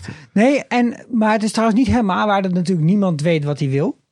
Want hij heeft natuurlijk wel tegen Varys gezegd dat hij op de troon wil zitten. Ja, of hij wil een republiek stichten. Ja, ook Ja, niet ja. zo heel veel woorden, want hij heeft alleen, hij heeft alleen, heeft alleen geknikt, hè? gekeken en Ja, ja, hij geknikt naar de troon en meer niet. Ja, maar En tegen, zegt hij, ik wil tegen alles. Sansa zegt hij, ja, I want everything. Nou ja, wat dat betekent is natuurlijk ook redelijk vaag. Oké, ik, geef het, ik geef het toe. Hij is er niet heel expliciet in dan, op zijn minst. Ja, en het is een redelijk eh, doel dat ver weg ligt ook. Dus dan blijven je acties op korte termijn onvoorspelbaar. Ja, nou, zijn, eh, zijn lust voor Sansa, die nu echt aan het groeien is. Het is ook seizoen 4, dus we moeten ook spreken eh, van een gestorven Catelyn inmiddels. De Red Wedding is geweest. Ja, dus het begint nu wel echt een beetje awkward te worden, want ze schelen elkaar 30, Ja. 30 jaar. 30 jaar of iets in die Zoiets, richting, hè? ja. Wel, dat is wel... Ja, in de serie lijkt het minder, maar op papier, volgens mij is ze 13 of zo, Sansa. Ja, precies. Nee, Peter ja, Nou, in, de, in de serie is wel wat ouder volgens mij. ja. Ik, denk, ik denk inderdaad wel 17. Maar dan... Volgens mij was eh Het is- Belis van 267 eh af te ging. Nee, serieus? Oh nee, ja, ik heb net gekeken. 268. Dus hij is, iets, hij is in de 30 of in de 40. Tussen de 30 en de 40 denk ik Ja. in, het, Right. eh, ja. in het echt. Ja, de, de, volgens mij is de, de acteur zelf, dat is eh Aiden, Aiden Gillen heet die man. Ja, Maar eigenlijk heet hij Murphy volgens mij. Maar goed, dat maakt niet uit. Die, eh, die is wel echt in de 40, eind 40. Als ik het Ja. eh, goed heb opgezocht. Dus nou, in ieder geval een beetje awkward. Maar het begint allemaal wel met die ene kus. ja. In de winter, de sneeuw valt. Hij zoent Sansa en dat ziet Lysa Aaron. ja. Mhm. Vindt ze niet leuk. Vind je het niet leuk? She no happy. En dan? En dan, ja, dan geeft hij er een enkeltje. eh, Ze wordt niet door de flikker gestoken, maar wel uit het gat eh, uit de moon doorgeflikkerd. Ja. Lysa Aaron die eh, stort naar haar vroegtijdige dood. En dat levert een hele vervelende situatie op. Eh, vooral voor Peter Baelish, want niemand vertrouwt hem eigenlijk. Maar, Maar volgens mij waarom is het voor doet, hem niet... Sorry. waarom doet hij dit? Waarom doet hij dit? Daar heb ik ook lang over nagedacht. Wat is Nou ja. jouw idee? Nou, ik denk dat hij dit Ja, doet. Denk jij? Omdat Lysa wil niet dat er oorlog komt in de veel. Omdat zij veel te protectionistisch is ten opzichte van Robin Arryn. Ja, Maar Peter Baelish wil een invasie vanuit Bravos om een republiek te stichten. Natuurlijk. Ehm, dus eh, hij, heeft, hij wil wel juist dat er een enorme troepenmacht vanuit Bravos komt. En dat er een Ja. heel grote oorlog... maar ook zonder eh, Bravos is eh, c- compleet geldig. Hij wil wel die troepen kunnen gebruiken. Ja, hij Want wil... anders ben je, ben je Precies, de, ja. de lord, hè? ben je de heer van een of ander land en mag je je eigen leger niet Ja, inzetten. dus ook al eh, zou het niet zo zijn dat hij een invasie heeft, wat natuurlijk wel zo is. Maar ook al zou dat niet zo zijn, dan wil hij dus nog het leger kunnen gebruiken. En Ja. Lysa wil dat niet. Nou, hij wil een Robin verzamelen. En op dit moment heeft hij Robin nog niet verzameld. Precies. Namelijk de zoon van Lysa. Nog niet? En wellicht van Pieter. Dat is ook een theorie die Ja. gaat. Goed, ik denk dat het ondergeschikt is aan het, eh, de doelen van Littlefinger in ieder geval. Nou, ik ga er toch een beetje op uitbreiden, denk ik. Want Denk dit, je is, dat? ja, dit, dit is toch wel een theorie. Kijk, eh, wij, wij gaan er wel van uit dat onze luisteraars van de Game of Thrones houden. En veel dingen ook op internet wel een beetje lezen of bekijken. Maar misschien dat je niet elke crackpot-theorie tegen bent gekomen. Maar er is een, eh, toch wel een belangrijke theorie zich aan het vormen. En dat Ja. is namelijk dat, eh, Robert, eh, dat John Arryn, hè, de voormalige Ja. hand van de koning, niet de vader is van onze sweet Robin. Ja, er wordt wel vaker benadrukt dat hij weak seed heeft. Dus namelijk Zeker, ja. zwak zaad. Dat, kan, eh, dat hij eigenlijk er gewoon niks mee kan. Maar dat, Dat zou toch prima Robin. Arryn kunnen verwekken? Die Ja, is ook nee, een beetje. Zwak maar wat een hele belangrijke wet is in heel Westeros, tenminste niet een geschreven wet, maar wat we heel vaak zien is dat the seed is strong, de laatste woorden van John Arryn, is dat het ook heel vaak geldt bij, eh, bij zonen en dochters die, eh, die hetzelfde uiterlijk hebben als hun ouders Exact. en hun voorouders. En wat is hier nou aan de hand? Er is een gedachte natuurlijk gewekt in seizoen 1 dat eh, John Aaron, die is gestorven op zijn, op zijn sterfbed, Ja. zei hij, the seed is strong, the seed is strong. En dat is altijd aangenomen als een logische verklaring van, oh, Joffrey is helemaal niet de zoon van Robert Baratheon. Maar het kan nog iets anders betekenen. Namelijk dat John Aaron erachter kwam dat Sweet Robin niet zijn eigen zoon is, maar Ja. de zoon van een ander. En als die ander nou eens toevallig Peter Baelish zou kunnen zijn, waarvan bekend is dat hij wel eens met Lysa aan de bed is Dan geweest. moest John Aaron wel heel snel dood. Precies. Want als eh Peter Baelish ooit nog wel de veel onder zich wilde scharen, dan mocht dat vooral niet uitkomen. Zeker weten. En daarom, en dat blijkt ook in de scène waarin Lysa er met een zachte eh, duwtje uit het gat wordt gedouwd. Dat Lysa en Pieter, dat kom je eigenlijk pas achter in seizoen 4, dat zij samen John Aaron hebben vermoord. Ja. Ja. En dat maakt dit hele verhaal hyper ingewikkeld. Ja. Of misschien heel simpel. Het probleem, de ingewikkeldheid zit hem erin dat er meerdere redenen kunnen zijn waarom John Aaron dood moest. Andere reden is dat eh, eh, er was op dat moment ook ruzie over waar eh, Robin Aaron gefosterd zou gaan worden. Waar hij naartoe gestuurd ja, zou gaan welke worden. pleegouders die Om- kreeg. Inderdaad. Maar Peter Baelish wist natuurlijk ook dat de shit bijna aan was. In de King's Landing. Dus hij dacht, hij moet niet weg, want dan ben ik hem voor altijd kwijt. Ja. Dus hij wilde hem houden. Of bij Lysa houden. En dus heeft hij Lysa ertoe aangezet om John Aaron dood te maken. En is een theorie. Maar en dat, er zitten dat in, komt de, in de serie zelfs en ook in de boeken zitten er lichte verwijzingen die je zou kunnen opvatten als de erkenning van Littlefinger dat Robin zijn zoon is. Nou ja, John Aaron wordt als blond en sterk omschreven. Ja. Eh, Nou. Littlefinger wordt als eh, donkerharig, maar ook eh, toen hij nog klein, toen hij nog jong was, klein en zwak, weakly omschreven. En dat is wel de omschrijving die ook bij Robin Aaron past. Zeker, die past heel erg goed bij haar. Hij kan, hij kan nog geen twee stenen op elkaar Ja, hij leggen. kan geen deuk in een pakje boter slaan. Ongelooflijk, die gozer. Dus dit zou wel eens een hele belangrijke beweegreden kunnen zijn voor Peter Baelish ook. En het zou wel de manier zijn waarop hij al op hele jonge leeftijd, heel lang geleden al, een soort van heeft voorbereid dat hij Ja. op een of andere manier toch de, de, de legitieme heerser zou kunnen worden van de veel. Inderdaad, hoe dan ook, zorgt hij ervoor dat hij dat gebied en al die ridders onder zich schaart door eh, in ieder geval Lysa Erwin met of het laatste bewijs dat hij, dat, dat hij de vader is van, Ro- van Robin Ja. te elimineren. Maar ook gewoon ervoor te zorgen dat Robin totaal in zijn macht komt door van zijn zeer bemoeizuchtige moeder af te zijn. Dus En er is, ook. er is nog één regel, en dat is de regel eh, die eh, in de televisie altijd geldt. In ieder geval bij Game of Thrones. Als iemand zegt, hier jongens, welkom, hier is mijn oom.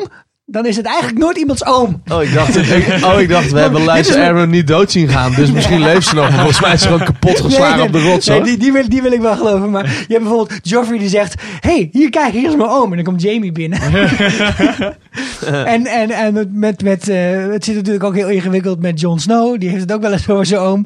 Nou, dat is eigenlijk ook nooit zijn oom. Ik denk dat het hier ook geldt. Want hij wordt op een gegeven moment echt heel letterlijk ook geze- gezegd van... eh, Robin is... eh, je, je, je bent zijn... je- nee, oh, oh nee, wacht. Sorry, bij, bij, bij Jon Snow is het andersom. Maar die heeft het over zijn vader. Maar dat is zijn oom. Je kunt ooms nooit vertrouwen. Ja, dat is denk ik het hele punt. Nee, trouwens, hij, dat is het allerengste aan dit hele verhaal. Eh Peter Baelish is op dit moment de oom van Sansa. En dat is echt nasty. Ja, want hij is natuurlijk aangetrouwd oom via Lysa. Ja. Oh, Zus zo. zoals- ja. Echt erg, hè? Ja, oh, dat is inderdaad En wel dat gebruikt nasty, hij ook ja. een paar keer in de serie. Zo van, Oh. I'm her uncle. en Zo, "Ugh, you Ugh. fucking creep. Maar dus eigenlijk niet haar oom, maar de vader. Ja. Goed, Wat je vervolg van die, van die moord. Nou, weet je, ik heb nog één ding wat Niet, ik... Wat vervolg ik van die moord. de- de- Er is één ding wat mij te binnen schoot vandaag. En dat is namelijk dat eh, Littlefinger heeft ook een eigen zegel ontworpen. Ja. Hiervoor had hij een zegel en dat was... Hij, en hij, heeft een, hij heeft een persoonlijk zegel. Dat is namelijk de met die Mockingbird of de Spotlaster. zoals De Spotlaster, de ja. Spotlijster. Eh, maar het de sigil of het vaandel van, zijn, van het huis Baelish, dat draagt een, eh, de Titan van die ta- de Titaan van Bravos. Ja. Met vuur achter de ogen. Precies. Maar hij heeft dus zijn eigen eh, zegel ontworpen, zijn eigen wapen ontworpen. En dat is een spotlijster. En wat doen spotlijsters? Zeker. Die, Die leggen hun ei Oh, ja. In het nest van een andere vogel. Ja, en ja, ja. laten die vogel dat ei uitbroeden. Ik Konings. denk dat George R. Martin dit Ja. weet. En waarom ik denk dat hij het weet, is de spotlijster, de Mockingbird, ook wel bekend van het boek To Kill a Mockingbird, is een typisch Amerikaanse vogel die niet voorkomt in Europa. Dus het is ook heel erg specifiek gekozen door de Amerikaan George R. R. Martin. Ik denk dat hij prima weet wat een, wat een Mockingbird is, wat een Cool. spotlijster is. En dat hij daarom deze, dit wapen heeft gekozen Ja. voor Peter Baelish. Want er is nog een tweede reden natuurlijk. Mockingbirds die hebben de neiging om ook dingen die ze in hun omgeving horen na te zingen. Het is een soort par, eh, zo een beetje, een beetje een papegaai-achtig eh, fenomeen. Maar dit is ook iets, ze zijn net als een, eh, hoe heet het ook weer, een koekoe, een koekoek. Die doen dit ook, die leggen ook hun ei in het nest van een andere vogel. Maar dat doen spotlijsters dus ook. Daarom denk ik dat deze theorie misschien toch echt wel heel erg waar is. Ik denk het ook, ja. Ik vind het mooi dat Ja, jij zo in de vogellologie hebt. Ik ben eh, even in de nee, ornith- ornithologie. Ornithologie. Ornithologie. Laten we het beestje hoe wel bij de naam noemen. Het En- vogeltje. Aan het einde van dit seizoen zit nog één heel bijzonder moment. Want kijk, eh, hij trapt natuurlijk Liza Aaron een, stuk, een stukje naar beneden. ja. En daarna is er een overhoring. En dan heb je die, die Waymar Royce. Dat Ja. is die echt die hele saaie kerel. Grijze, brede man. Die moet later ook op Robin passen, waar die echt helemaal niet op Ja. zit te wachten. Nee. En, en weet je wat gek is? Hij lijkt op Adriaan van Dis en hij praat zoals Adriaan van Dis. Inderdaad, ja. De volgende keer als je die gast ziet, denk je, oh god, ik ben hem weer. Weet je wel, een tikkel. maar Sansa, die ehm, staat dan in voor Pieter. Ja. Zij is degene die gaat vertellen hoe het echt gebeurd is. Ja. Liza is gek geworden en ze dacht dat, eh, dat hij van mij hield, maar dat was helemaal niet zo. En in dat hele verhaal verklapt zij ook een heel groot geheim. ja, Namelijk dat, ze zij- stark is. Zeker. Dat ze- Mm. maar waarom Oh, ja. doet ze dat daar? Weet, je, weet jullie dat? Ik denk zelf nu, ik heb het nog een keer teruggekeken, dat doet ze om het dramatische effect een beetje beter te maken. En ze heeft heel veel geleerd van Peter Baelish. Ze heeft geleerd dat als je een waarheid vertelt, dan kun je daar een leugen in verpakken. Ja. En dat is wat zij heeft gedaan in die scène. Ze heeft gezegd, maar ik ben Sansa Stark of Winterfell. Ze heeft ook allemaal bewijzen en uitleggen waarom zij dat is. Ze kan ook echt staven van, ja, geloof me nou maar, ik ben jarenlang gemarteld in King's Landing. Ik ben het echt. En Pieter Baelish wordt vrijgesproken. Ja. En aan het einde van het seizoen zit nog een belangrijke, een belangrijke onthulling of een, een gesprek. Ook weer tussen Pieter Baelish en Sansa. En ik denk dat dit heel belangrijk is voor de volgende twee seizoenen. Daaruit blijkt dat zij weet wie Pieter Baelish is. Zij weet hoe Pinky werkt. Why did you help me? They would have thrown you through the moon door if they found you guilty. That's not an answer. They'd have executed you. What would they have done with me? I don't know. Neither do I. Better to gamble on the man you know than the strangers you don't. And you think you know me, I know what you want. do you? Maar weet ze dat echt? Ik geloof het niet namelijk. Ik heb het gevoel dat ze het weet. En dat komt door de laatste scène die eh, zeg maar in seizoen 4 nog zit, waarin zij elkaar zien.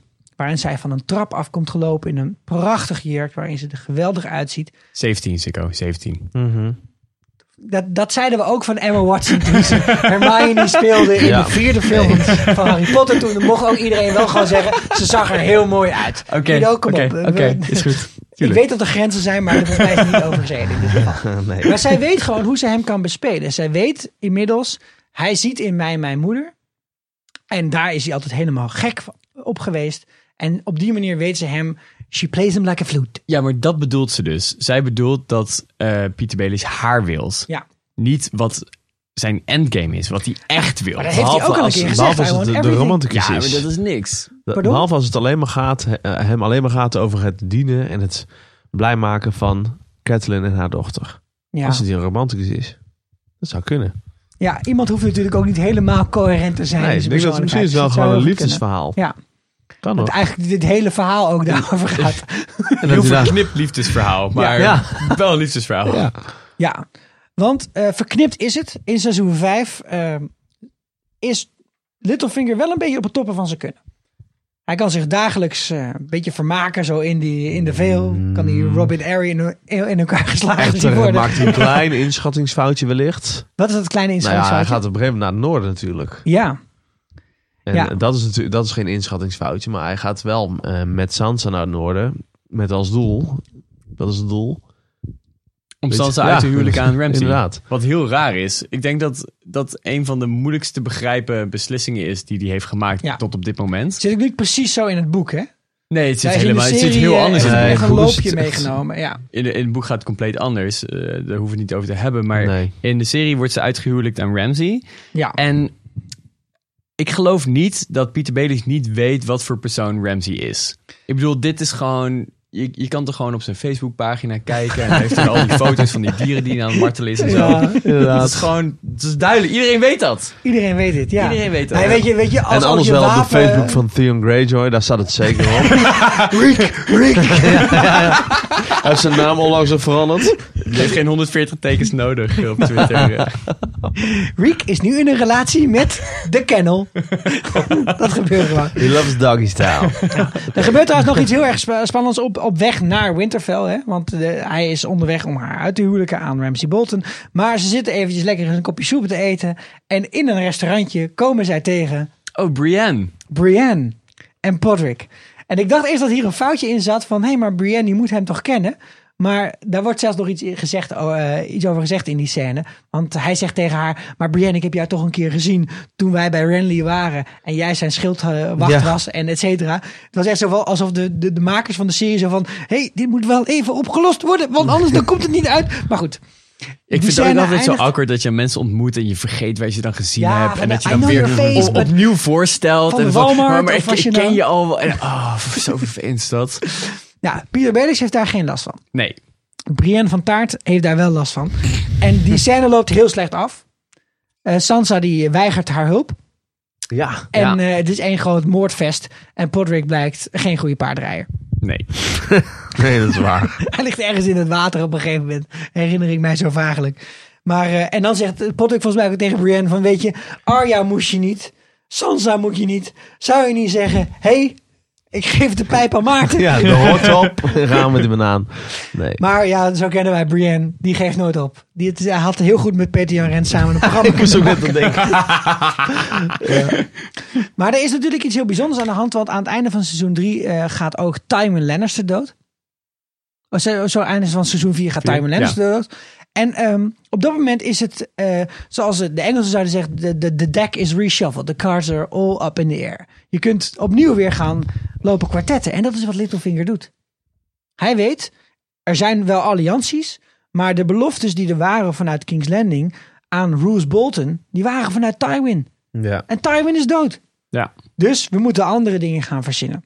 En dan de twins overigens ook. Ja, de phrase die zijn natuurlijk ook. Ja, alles, veel. is, alles is up in the air. Je kunt alles opnieuw gaan besluiten. En daarom denkt hij: ik heb de fucking troefkaart in handen. Ik heb Sansa Stark of Winterfell. En daar moet Aaron. ik toch. Precies, en hij heeft Ja. Robin. Ik moet daar toch iets mee kunnen doen. Maar dat is toch wel een eh, grote, mis, eh, een grote onderschatting. Een misconceptie. Inderdaad. Alles gaat Ja. fout. Ja. Nou ja, vanuit zijn perspectief, hij gokt graag en hij houdt van chaos. Ehm, ik denk dat hij in zijn hoofd zou Stannis winnen. Hier.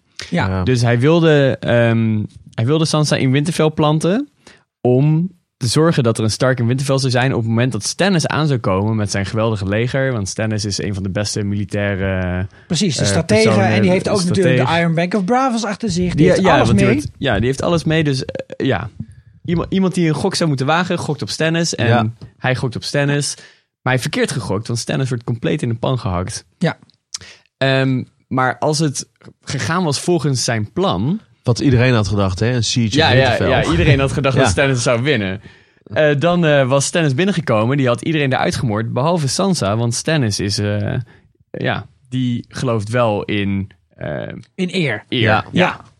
Ja, dat is een hele slimme zet van hem. En wat je wel ziet is dat hij hier toch ook echt aan het spelen is met de verschillende loyaliteiten die hij heeft. Hij heeft een loyaliteit richting de Lannisters, maar goed, Tywin is dood. Hij heeft er geen vertrouwen meer in. Dus hij probeert het vertrouwen van Roose Bolton te winnen. Terwijl eigenlijk hij ja. wet op dat Stannis gaat winnen van Roose Bolton. Dus dat is heel ingewikkeld. En Cersei probeert hem voor haar te winnen ook. Exact. Want Roose Bolton die vertrouwt hem niet. En dat blijkt heel erg duidelijk uit een scène waarin Roose Bolton zegt... eh, by the way, ik heb net even een berichtje onderschept. En dat kwam van Cersei Lannister. En dat heb ik even doorgelezen. En volgens mij moet je binnenkort naar King's Landing toe. Nou, en dat is waar het grote schakelpunt in seizoen 5 zit. En, en echt nogmaals, hij speelt een enorm grote rol in seizoen 5. Want op dat moment moet Littlefinger terug naar King's Landing. En in King's Landing is de shit aan. Maar voordat hij dat doet, gaat hij nog eventjes eh, romantisch wandelen door de graftombe, de crypte van Winterfell Ja. met Sansa Stark. Lord Went held a great tourney at Harrenhal. Everyone was there. The Mad King, your father, Robert Baratheon, and Lyanna. She was already promised to Robert. And you can imagine what it was like for me, a boy from nowhere, with nothing to his name, watching these legendary men tilting at the lists. The last two riders were Barristan Selmy and Rhaegar Targaryen. When Rhaegar won, everyone cheered for their prince. I remember the girls laughing when he took off his helmet and they saw that silver hair, how handsome he was. Until he rode right past his wife, Elia Martell, and all the smiles died. I've never seen so many people so quiet. He rode past his wife, and he lay a crown of winter roses in Lyanna's lap, blue as frost. How many tens of thousands had to die because Rhaegar chose your aunt? Yes, he chose her. And then he kidnapped her and raped her. En hier slaan we terug op een periode nog ver voor het eerste seizoen. En dat is het lastige aan een podcast. Dus we zouden jullie allemaal aanraden. Kijk nog één keer deze scène een keer terug. Zet het linkje wel op ons Facebook of Gaan Twitter. doen, ja. Maar er zit een blik in deze scène. Waarin Sansa zegt, ja, hè, ze Ja. is ontvoerd, Lyanna, door Rhaegar. En hij kijkt zo van, ach, lief Ja, kind, Dat Jij- zeg jij wel, jij weet het niet. maar ondertussen. En You dit is het Ja. moment geweest. En Pieter Baelish was op dat moment iets van 14 jaar oud of zoiets. En hij heeft toen inderdaad het gerucht verspreid in King's Landing. Jongens, Rhaegar Targaryen heeft Lyanna Stark ontvoerd En verkracht. en verkracht. En voor alles wat we nu weten, ook uit de series, is dat waarschijnlijk niet waar. Nee. Maar de vraag is waarom hij dat gedaan heeft. En ik denk dat hij een beetje te jong was op dat moment om het onderdeel te laten zijn van een tactvol spel. Dat denk ik ook. Maar hij heeft toen wel geleerd dat een paar woorden een oorlog kunnen ontketenen. Ja. En dat is de kracht van Littlefinger. En die oorlog heeft ook de bestaande orde gewoon helemaal weggevaagd. Ja. Want de Targaryens die zijn Waren weggevaagd door de eeuwenlang waren Baratheons. zij de, ja. de heersers over, eh, over heel Westeros. En nu is het voorbij. En allemaal door een paar woorden van Littlefinger. ja. Deze man is machtig. En dat heeft hij toen geleerd. Ik denk dat dat het belangrijkste is wat we zouden moeten leren uit deze scène Ja, ook. En ja. een hele belangrijke scène. Kijk, natuurlijk ook voor degene die de serie kijken, was het een soort van eh, bevestiging, een beetje af van de letteren van, nou ja, Jon Snow zou wel eens toch misschien een kind kunnen zijn van. Maar dit is nog veel belangrijker eigenlijk. En daar laat Sansa ook in deze waan. Hij Ja. houdt alles wat hij niet per se hoeft vrij te geven, houdt hij voor zichzelf. Nou goed, en hierna gaat Peter Baelish terug naar King's Landing, want hij moet komen van Cersei. En hij kan eigenlijk niet anders, hè? Hij kan niet op dat moment zeggen, ach joh, wijf, zak erin. Ik. Zakt in de stront.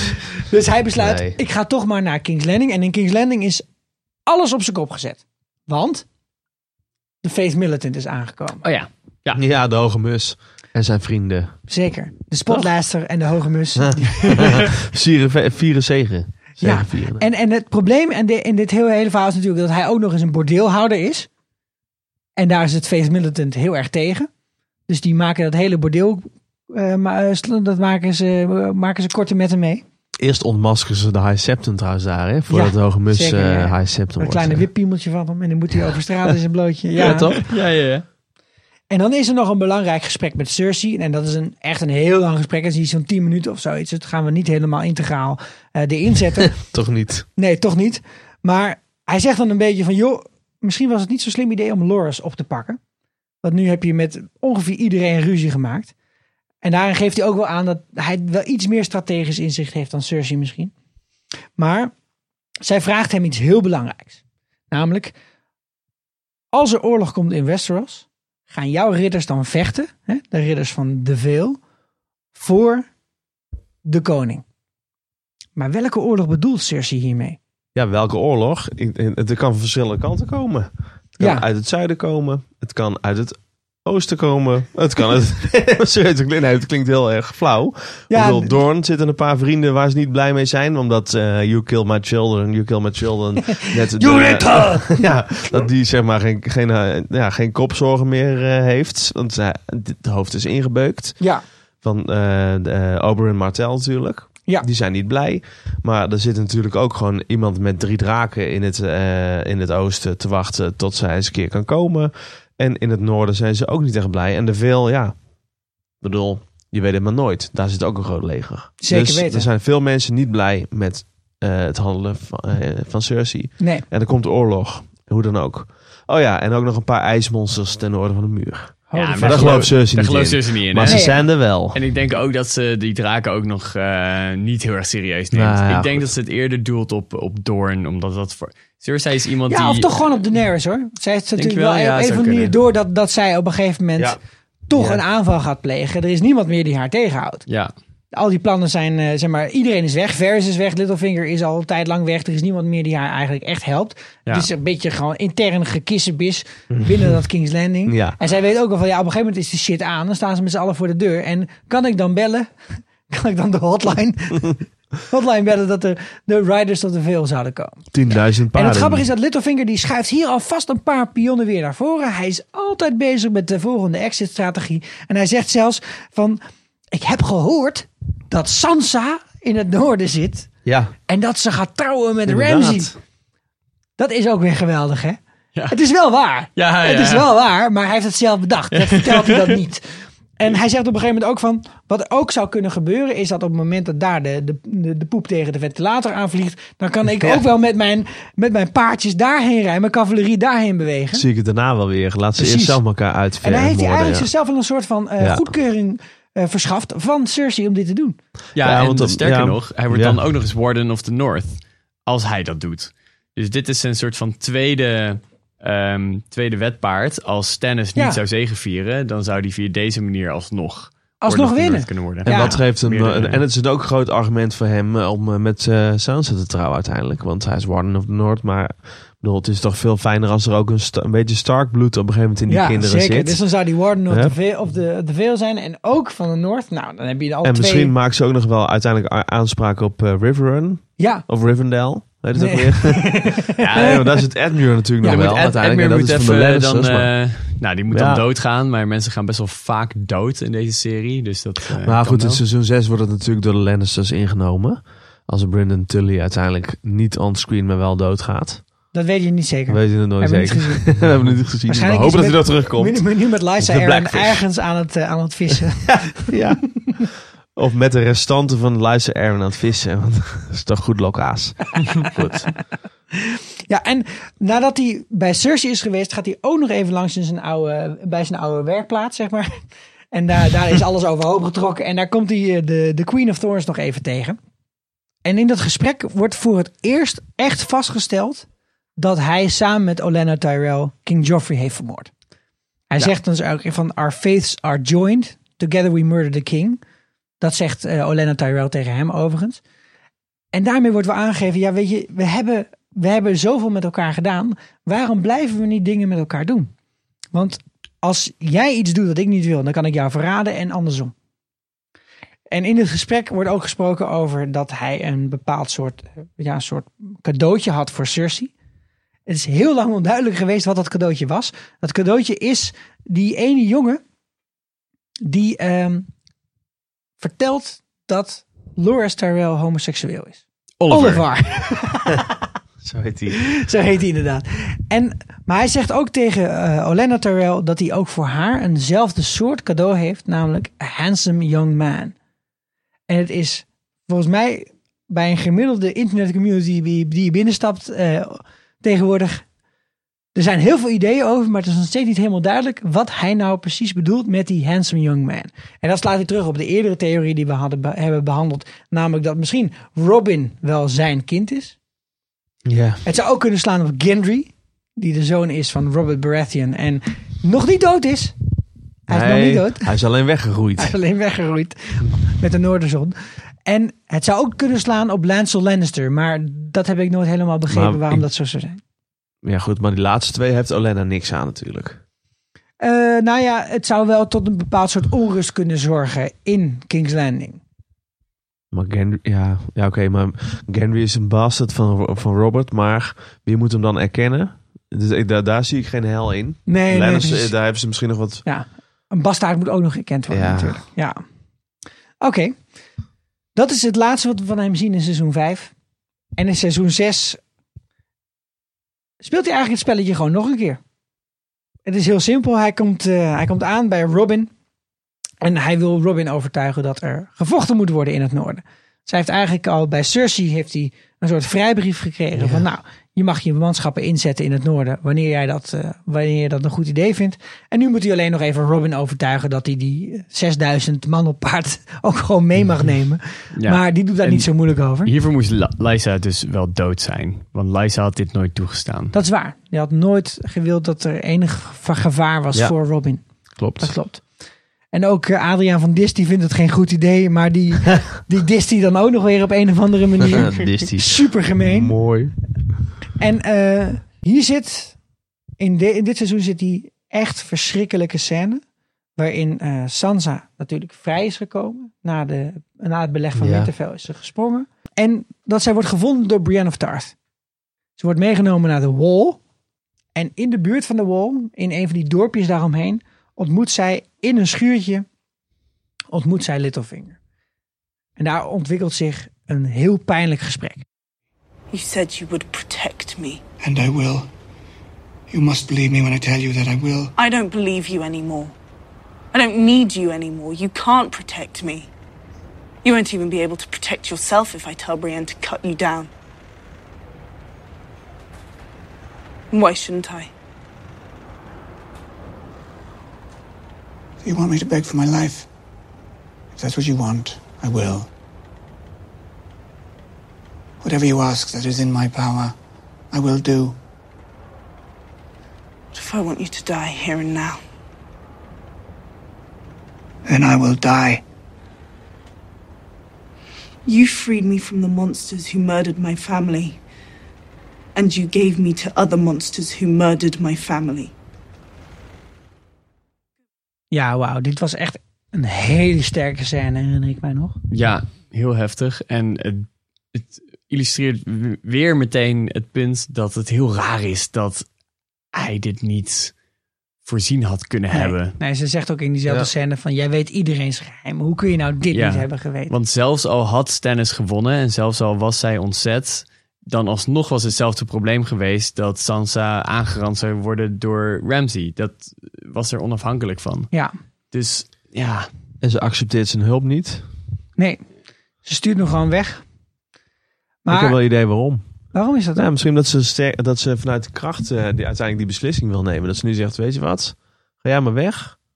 Ik heb helemaal niks meer met je te maken. Maar dat hij daardoor toch een soort schuldgevoel krijgt of zo. En dat hij eh, niet, want hij zegt nu gewoon, ja, ik heb de kracht voor je en ik kan je nu helpen. Maar dan eh, kan hij uiteindelijk wat terug verwachten.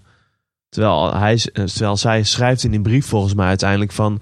eh, maar volgens mij moet jij nog een schuld, eh, heb je nog een schuld terug te betalen aan me. Kom, kom me toch maar redden of zo, toch? Jij hebt toch die brief toen ja. een keer gelezen? Ja, je hebt die brief eh, toen minutieus doorgespit met slow motion capture. Photoshop. Dus ik denk Ja. dat, dat, zeg maar, dat dit wel belangrijk is in de, de, de verhouding Sansa Ja, Littlefinger, ja. wie er dan bovenop eindigt. Ja. En dat ze door deze keuze eh, zelf bovenop eindigt uiteindelijk. ja, zij is de baas. Ja. Zij is de baas in deze relatie. En ze zegt gewoon tegen hem... wat jij hebt gedaan is onvergeeflijk. Ja. Dus ze kan hem eigenlijk tot in het oneindige Ja. aan het lijntje houden vanaf dit punt. En nou ja, weet je, verder is dit seizoen eh, wat dat betreft niet heel erg rijk bedeeld voor Peter Baelish. Nee. Hij komt pas aan het einde als een soort rider of Rohan over de, over de heuvel met al zijn paarden. Want dan heeft Sansa toch zijn hulp ingeschakeld. Ja, Ja. Dat was wel echt een hele heftige beslissing natuurlijk van haar. Waarin ze het vertrouwen in de eigen broer opgaf. Ja. Mhm. had ze niet hoeven doen. Ze had hem ook gewoon kunnen vertellen. ja. Heeft ze niet gedaan. Ik heb dat ook nooit helemaal begrepen. We hebben vanavond, even, ik zal eerlijk zeggen, jongens, we hebben tijdens het eten hebben we de Battle of the Bastards nog een keer gekeken. Voor de Ja. hoeveelste keer? Ik denk dat dit de ik vijfde keer is. Dan, 65 keer, ja. Vet, jongen. Maar daarin, daarin is het wel heel duidelijk dat Sansa tegen John zegt van jij kent Ramsay Bolton niet zoals ik hem ken. En jij maakt allemaal plannetjes over hoe je morgen die strijd aangaat, maar je kent hem niet. Hij gaat jou echt verneuken. Hij gaat iets doen waardoor jij een fout moet maken. Het enige wat jij moet doen is die fout niet maken. En dan zegt hij van, dankjewel voor de tip. Ja. Ja, ik eh, weet ook wel dat ik geen fout moet maken. Ja. En wat doet hij? Wat doet hij? Oh, dik aan. Zo dom. Zo ja, dom. is echt heel erg dom. Maar Littlefinger hier, komt hier aan en he saves the day. Dus eh, volgens de logica die hij heeft afgesproken met Cersei, zou hij nu Warden of the North zijn. Ja, Maar, er is een probleem. Is niet zo. Er is een nieuwe koning in het King of the noorden. North wordt uitgeroepen in de volgende aflevering. Ja. Dus gevaarlijk spel van Sansa. Maar Ja. het lijkt vooralsnog goed uitgepakt te hebben. Maar denk je dat Sansa erop... Ja, het gaat wel over Littlefinger. Maar denk je dat Sansa erop gerekend had dat eh, John King of the North ging worden? Dat vraag ik mij Ja, ook je, af. hebt, je hebt die blik in haar ogen, hè, Die terwijl blik dat in de gebeurt. ogen zeggen alles En dat- tegen dat- mij. Dat kan, eh, kan heel veel betekenen. Ja, Want het is of jaloezie, dat zij dus het gevoel heeft dat zij dat zou moeten zijn. Ja, Of het is inderdaad dat ze denkt dat hij het niet waardig is. want daarvoor is toch die liefdesverklaring hè, van... eh, Oh, Lord Friendzone. dat is zo freaking awkward. ja, Ja, nou, ik was ook wel zeggen, drie keer in scheepsrecht, weet je wel. Hij heeft er nou dan twee keer gebekt tot nu toe. En bij de derde keer zegt ze, een klein beetje afstand. Ik heb wat afstand nodig. Het is een beetje zoals Boer zoekt vrouw afgelopen week. Dat Sandra op een gegeven moment tegen Olke zei, laat me gewoon even met rust. Jullie kijken mij nu net aan al- alsof het niet normaal is dat je Boer waarom de fuck kijk je dit? Beste vergelijking ooit. Ik weet niet wie die mensen zijn, maar ik vind het geweldig. Ga door. Je moet het kijken, Sandra en Olke. Serieus. Ja, goed. dit, dit is echt goed. Het, ook iets met kalfjes. Maar het zou... voor, zijn, voor zijn plan als hij ooit troon, eh, eh, de troon wil bestijgen, dan moet nog wel Heeft hij even iemand dus- nodig? Nou ja, eh, Sansa moet dan, Dan nog moet wel hij even Sansa Jon bestijgen. Snow eh, uit de Ja. weg ruimen. Ja, ja, want hij zegt op een gegeven moment eh, onder de boom, zegt hij tegen haar, van elke keer dat ik een beslissing maak, doe ik mijn ogen dicht en dan denk ik, gaat deze actie, gaat deze beslissing leiden tot wat ik uiteindelijk wil. En wat hij uiteindelijk wil is, wat hij voor zich ziet is een beeld van hem met Sansa, wat vroeger dan misschien Catelyn was geweest, Ja. op de ijzeren troon. Ja, en dat gaat niet gebeuren als Jon Snow leeft. Nee, Nee, want hij, eh, hij heeft als Targaryen toch nog wel veel aanspraak op de troon. zeker weten, dat weet hij heel erg. Hij is gewoon een Targaryen en een, eh, en een Stark. Ik bedoel, Ja. hallo. Ja. Wie heeft er eigenlijk meer recht op die troon behalve Maar hij de zou wel door de, eh, de directeur van Ola in de pan gehakt worden, toch? Dat denk ik wel. Niet. Ik zeg het je, eerste aflevering volgend seizoen, die hele muur gaat naar beneden komen. Ja? Ja, Eh, volgens mij was het de laatste aflevering. Als ik het Zullen we daar de eh, volgende ja. aflevering even een eh, weddenschapje op beleggen? Hebben we al gedaan. Heel goed, we laten we deze gedaan? aflevering Oh, echt, dan ook tot een einde brengen. Pieter Baelish is nu een klein beetje in limbo. Hè, zoals de Engelsen zouden zeggen. Hij zit een beetje in het vagevuur. Hij heeft best wel veel macht. Mhm. Hij heeft op heel veel plaatsen heeft hij invloed. Maar waar hij nou precies naartoe moet met die, inv- met die macht en invloed is heel ongewis. Het kan zijn dat hij zich weer gaat liëren met Cersei Lannister. Dat hij daar weer dingen voor gaat doen. Maar het kan ook zijn, hij zit nu in Winterfell. Dat binnenkort gewoon dat hele leger uit het noorden over die muur komt zetten. Ja. En dan ontstaat er chaos. Daar kan hij heel veel goede dingen mee. Maar we weten gewoon echt niet waar het naartoe gaat met Peter Baelish vanaf nu. Nee. Nou ja, als hij koning wil worden uiteindelijk. En dan even loslatende van het Zoals hele Simba. zombie-leger, bijvoorbeeld. Dan moet hij ehm, zorgen dat Sansa jaloers wordt op John. En dat op een of andere manier John doodgaat. Eh Edmund Tully moet dood. Eh, daarna moet hij trouwen met Sansa. Robin Arryn moet dan dood. Eh, dan krijgt hij dus controle over de North, de Vale en de Riverlands. Ja, Eh, omdat alle rechtmatige ja, eh heirs zijn dood. En ja hij, alle erfgenamen zijn dan uit de weg Precies. eh, nou ja, waarschijnlijk moet hij dan dus gaan praten met Daenerys, die dan een grote nieuwe macht is. En daar een of ander Maar dealtje dan komt mee hij Varys sluiten. tegen. Dat is toch onmogelijk? Nou ja, dat is wel een leuke, eh, Ja. leuke Toch wel ontmoeting een wordt dat weer. manier Een soort van, elkaar eh, tegen kunnen gaan die komen. tegenpolen, Ja. zeg maar, die zij, die zij zijn. Want ik, ik zag ook ergens dat hij is Lord of Harrenhal. En eh Varys is eh, de oude soort van Aegon, representeert dat. Dus je hebt dan Harrenhal tegen Aegon, wat die oude invasie van Aegon Ja. eh, representeert. Wow, jemig. Ja, dus er ja, is heel ja. veel beeld, beeldspeling in, zeg maar. God. Ongelooflijk, ja. Eh, nou ja, oké, dus ehm, het deal sluit met Daenerys. Dan moet hij Daenerys overtuigen dat ehm, Daenerys de Iron Islands geeft aan Theon en Yara. Mhm. En In dan plaats van eh Euron. Ja, en dan volgens een, eh ze ehm, Ja. eh, overspel plegen en dus een deal sluit met Euron. Dat Euron Theon en Yara eh, kapot maakt. En dan hem weer, eh, nou ja, in ieder geval... Guido, jij bent George R. R. Martin volgens mij. Maar ondertussen vrezen allemaal onze doet- ijsvrienden. Dat komt nog wel. Ja, ja, ik dit is allemaal als er, uit- dit is allemaal Ja. als er niks over de muur heen komt. Ja. Ehm, maar er komt natuurlijk iets over de muur heen. Dat weten we allemaal. Ja, ja. Hè, anders zitten we daar ook niet zes seizoenen naar op te En we vergeten ook allemaal dat Bran Stark ook nog leeft. Ja, we vergeten Even, heel veel eh, dingen. Maar de deze, deze dingen. podcast ging over Littlefinger. Ja, nee. Eh, een vraag voor jullie. Er zijn nog twee seizoenen. Seizoen 7 en seizoen 8. Gaat Littlefinger het halen? Nee. Nee? De eindstreep. De eindstreep. Eh, de eindstreep van zo'n 7 wellicht, maar ik denk niet de eindstreep. Ja, gaat hij het halen als in overleeft hij het of Ja. haalt hij zijn doel? Nee, overleeft hij het? Laten we daar eens bij beginnen. Ik- Hij overleeft het wel, maar hij haalt wel. niet zijn hij doel. slim, ja, nee. Oké, nou dan ben ik de, degene van deze drie die dan zegt hij gaat dood. Hij gaat dood. Ja, hij gaat dood. En wanneer dan? Het volgende seizoen? Dat durf ik niet te zeggen. Ik denk dat hij in seizoen 7 wel... Dat, dat het kili kili bam bam wordt Ligt voor een beetje aan eh, wanneer de muur valt dan Ja. en zo. Maar dit is eh, voor mij, wat mij betreft, nu een eh, voorspelling. In seizoen 7 gaat hij dood. In seizoen 7 gaat hij dood. Weet je wat? Ik doe het gewoon. Ik, maar ik neem een klein beetje risico. Hij gaat in seizoen 7 dood. Oké, Goed. dat zou heel goed kunnen. En ehm eventjes voor jullie, na deze hele aflevering eh, hè, in retrospect beziend, is er nog iets wat, wat voor jullie veranderd is aan jullie blik of jullie beeld van, van Littlefinger?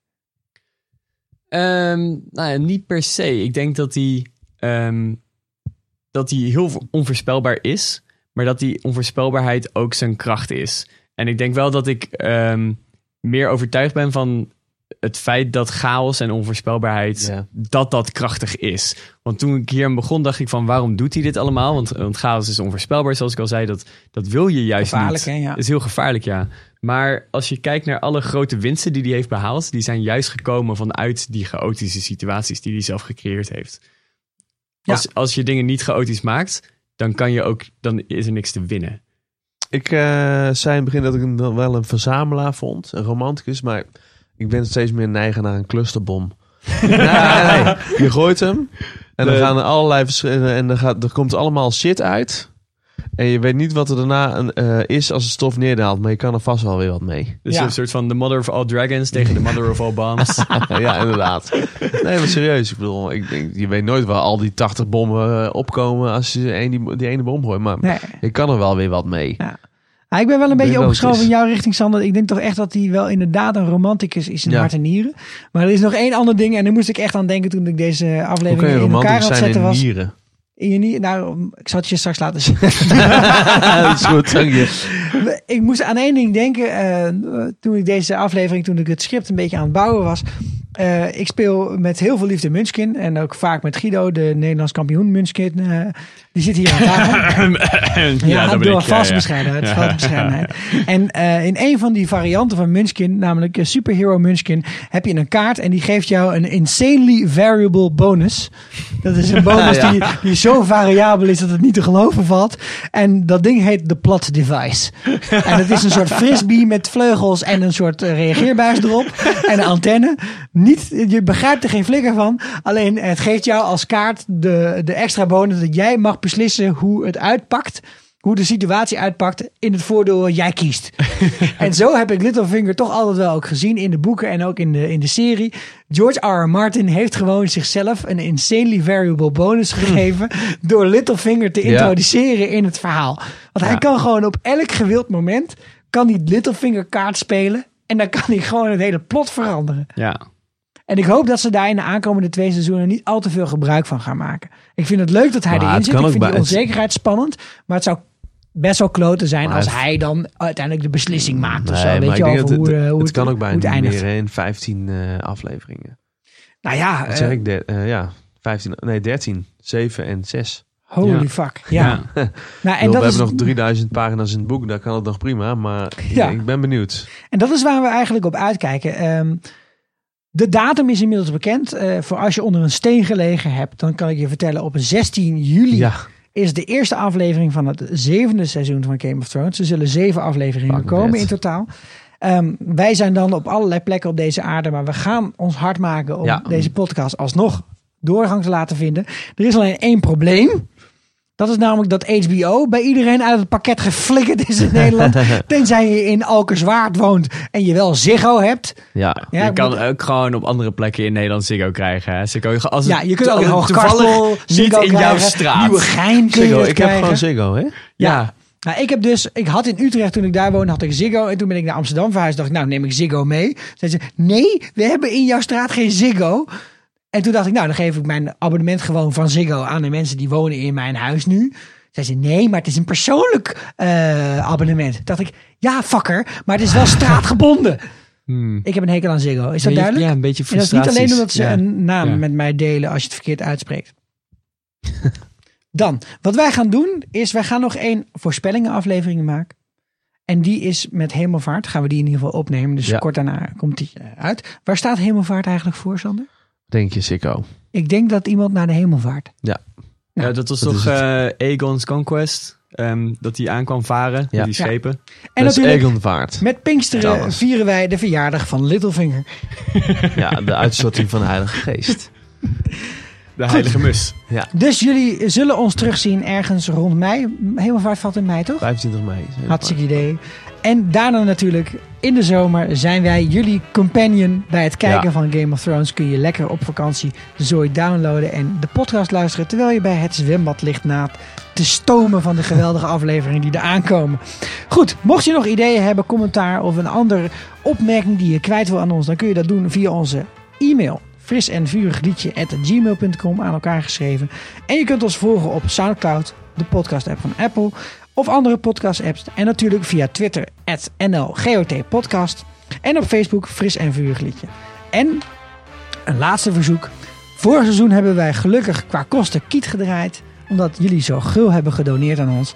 Ook dit jaar moet de Soundcloud-account weer betaald worden om onze podcast te hosten. Zeker. Dus ga naar Facebook, zoek die knop met shoppen. Ja, we konden hem ook niet ergens anders kwijt. En doneer via de PayPal een klein leuk bedrag aan ons wat je ons waard vindt. Ja. En hopelijk kunnen we dan ook dit jaar weer gewoon blijven betalen voor de hosting site.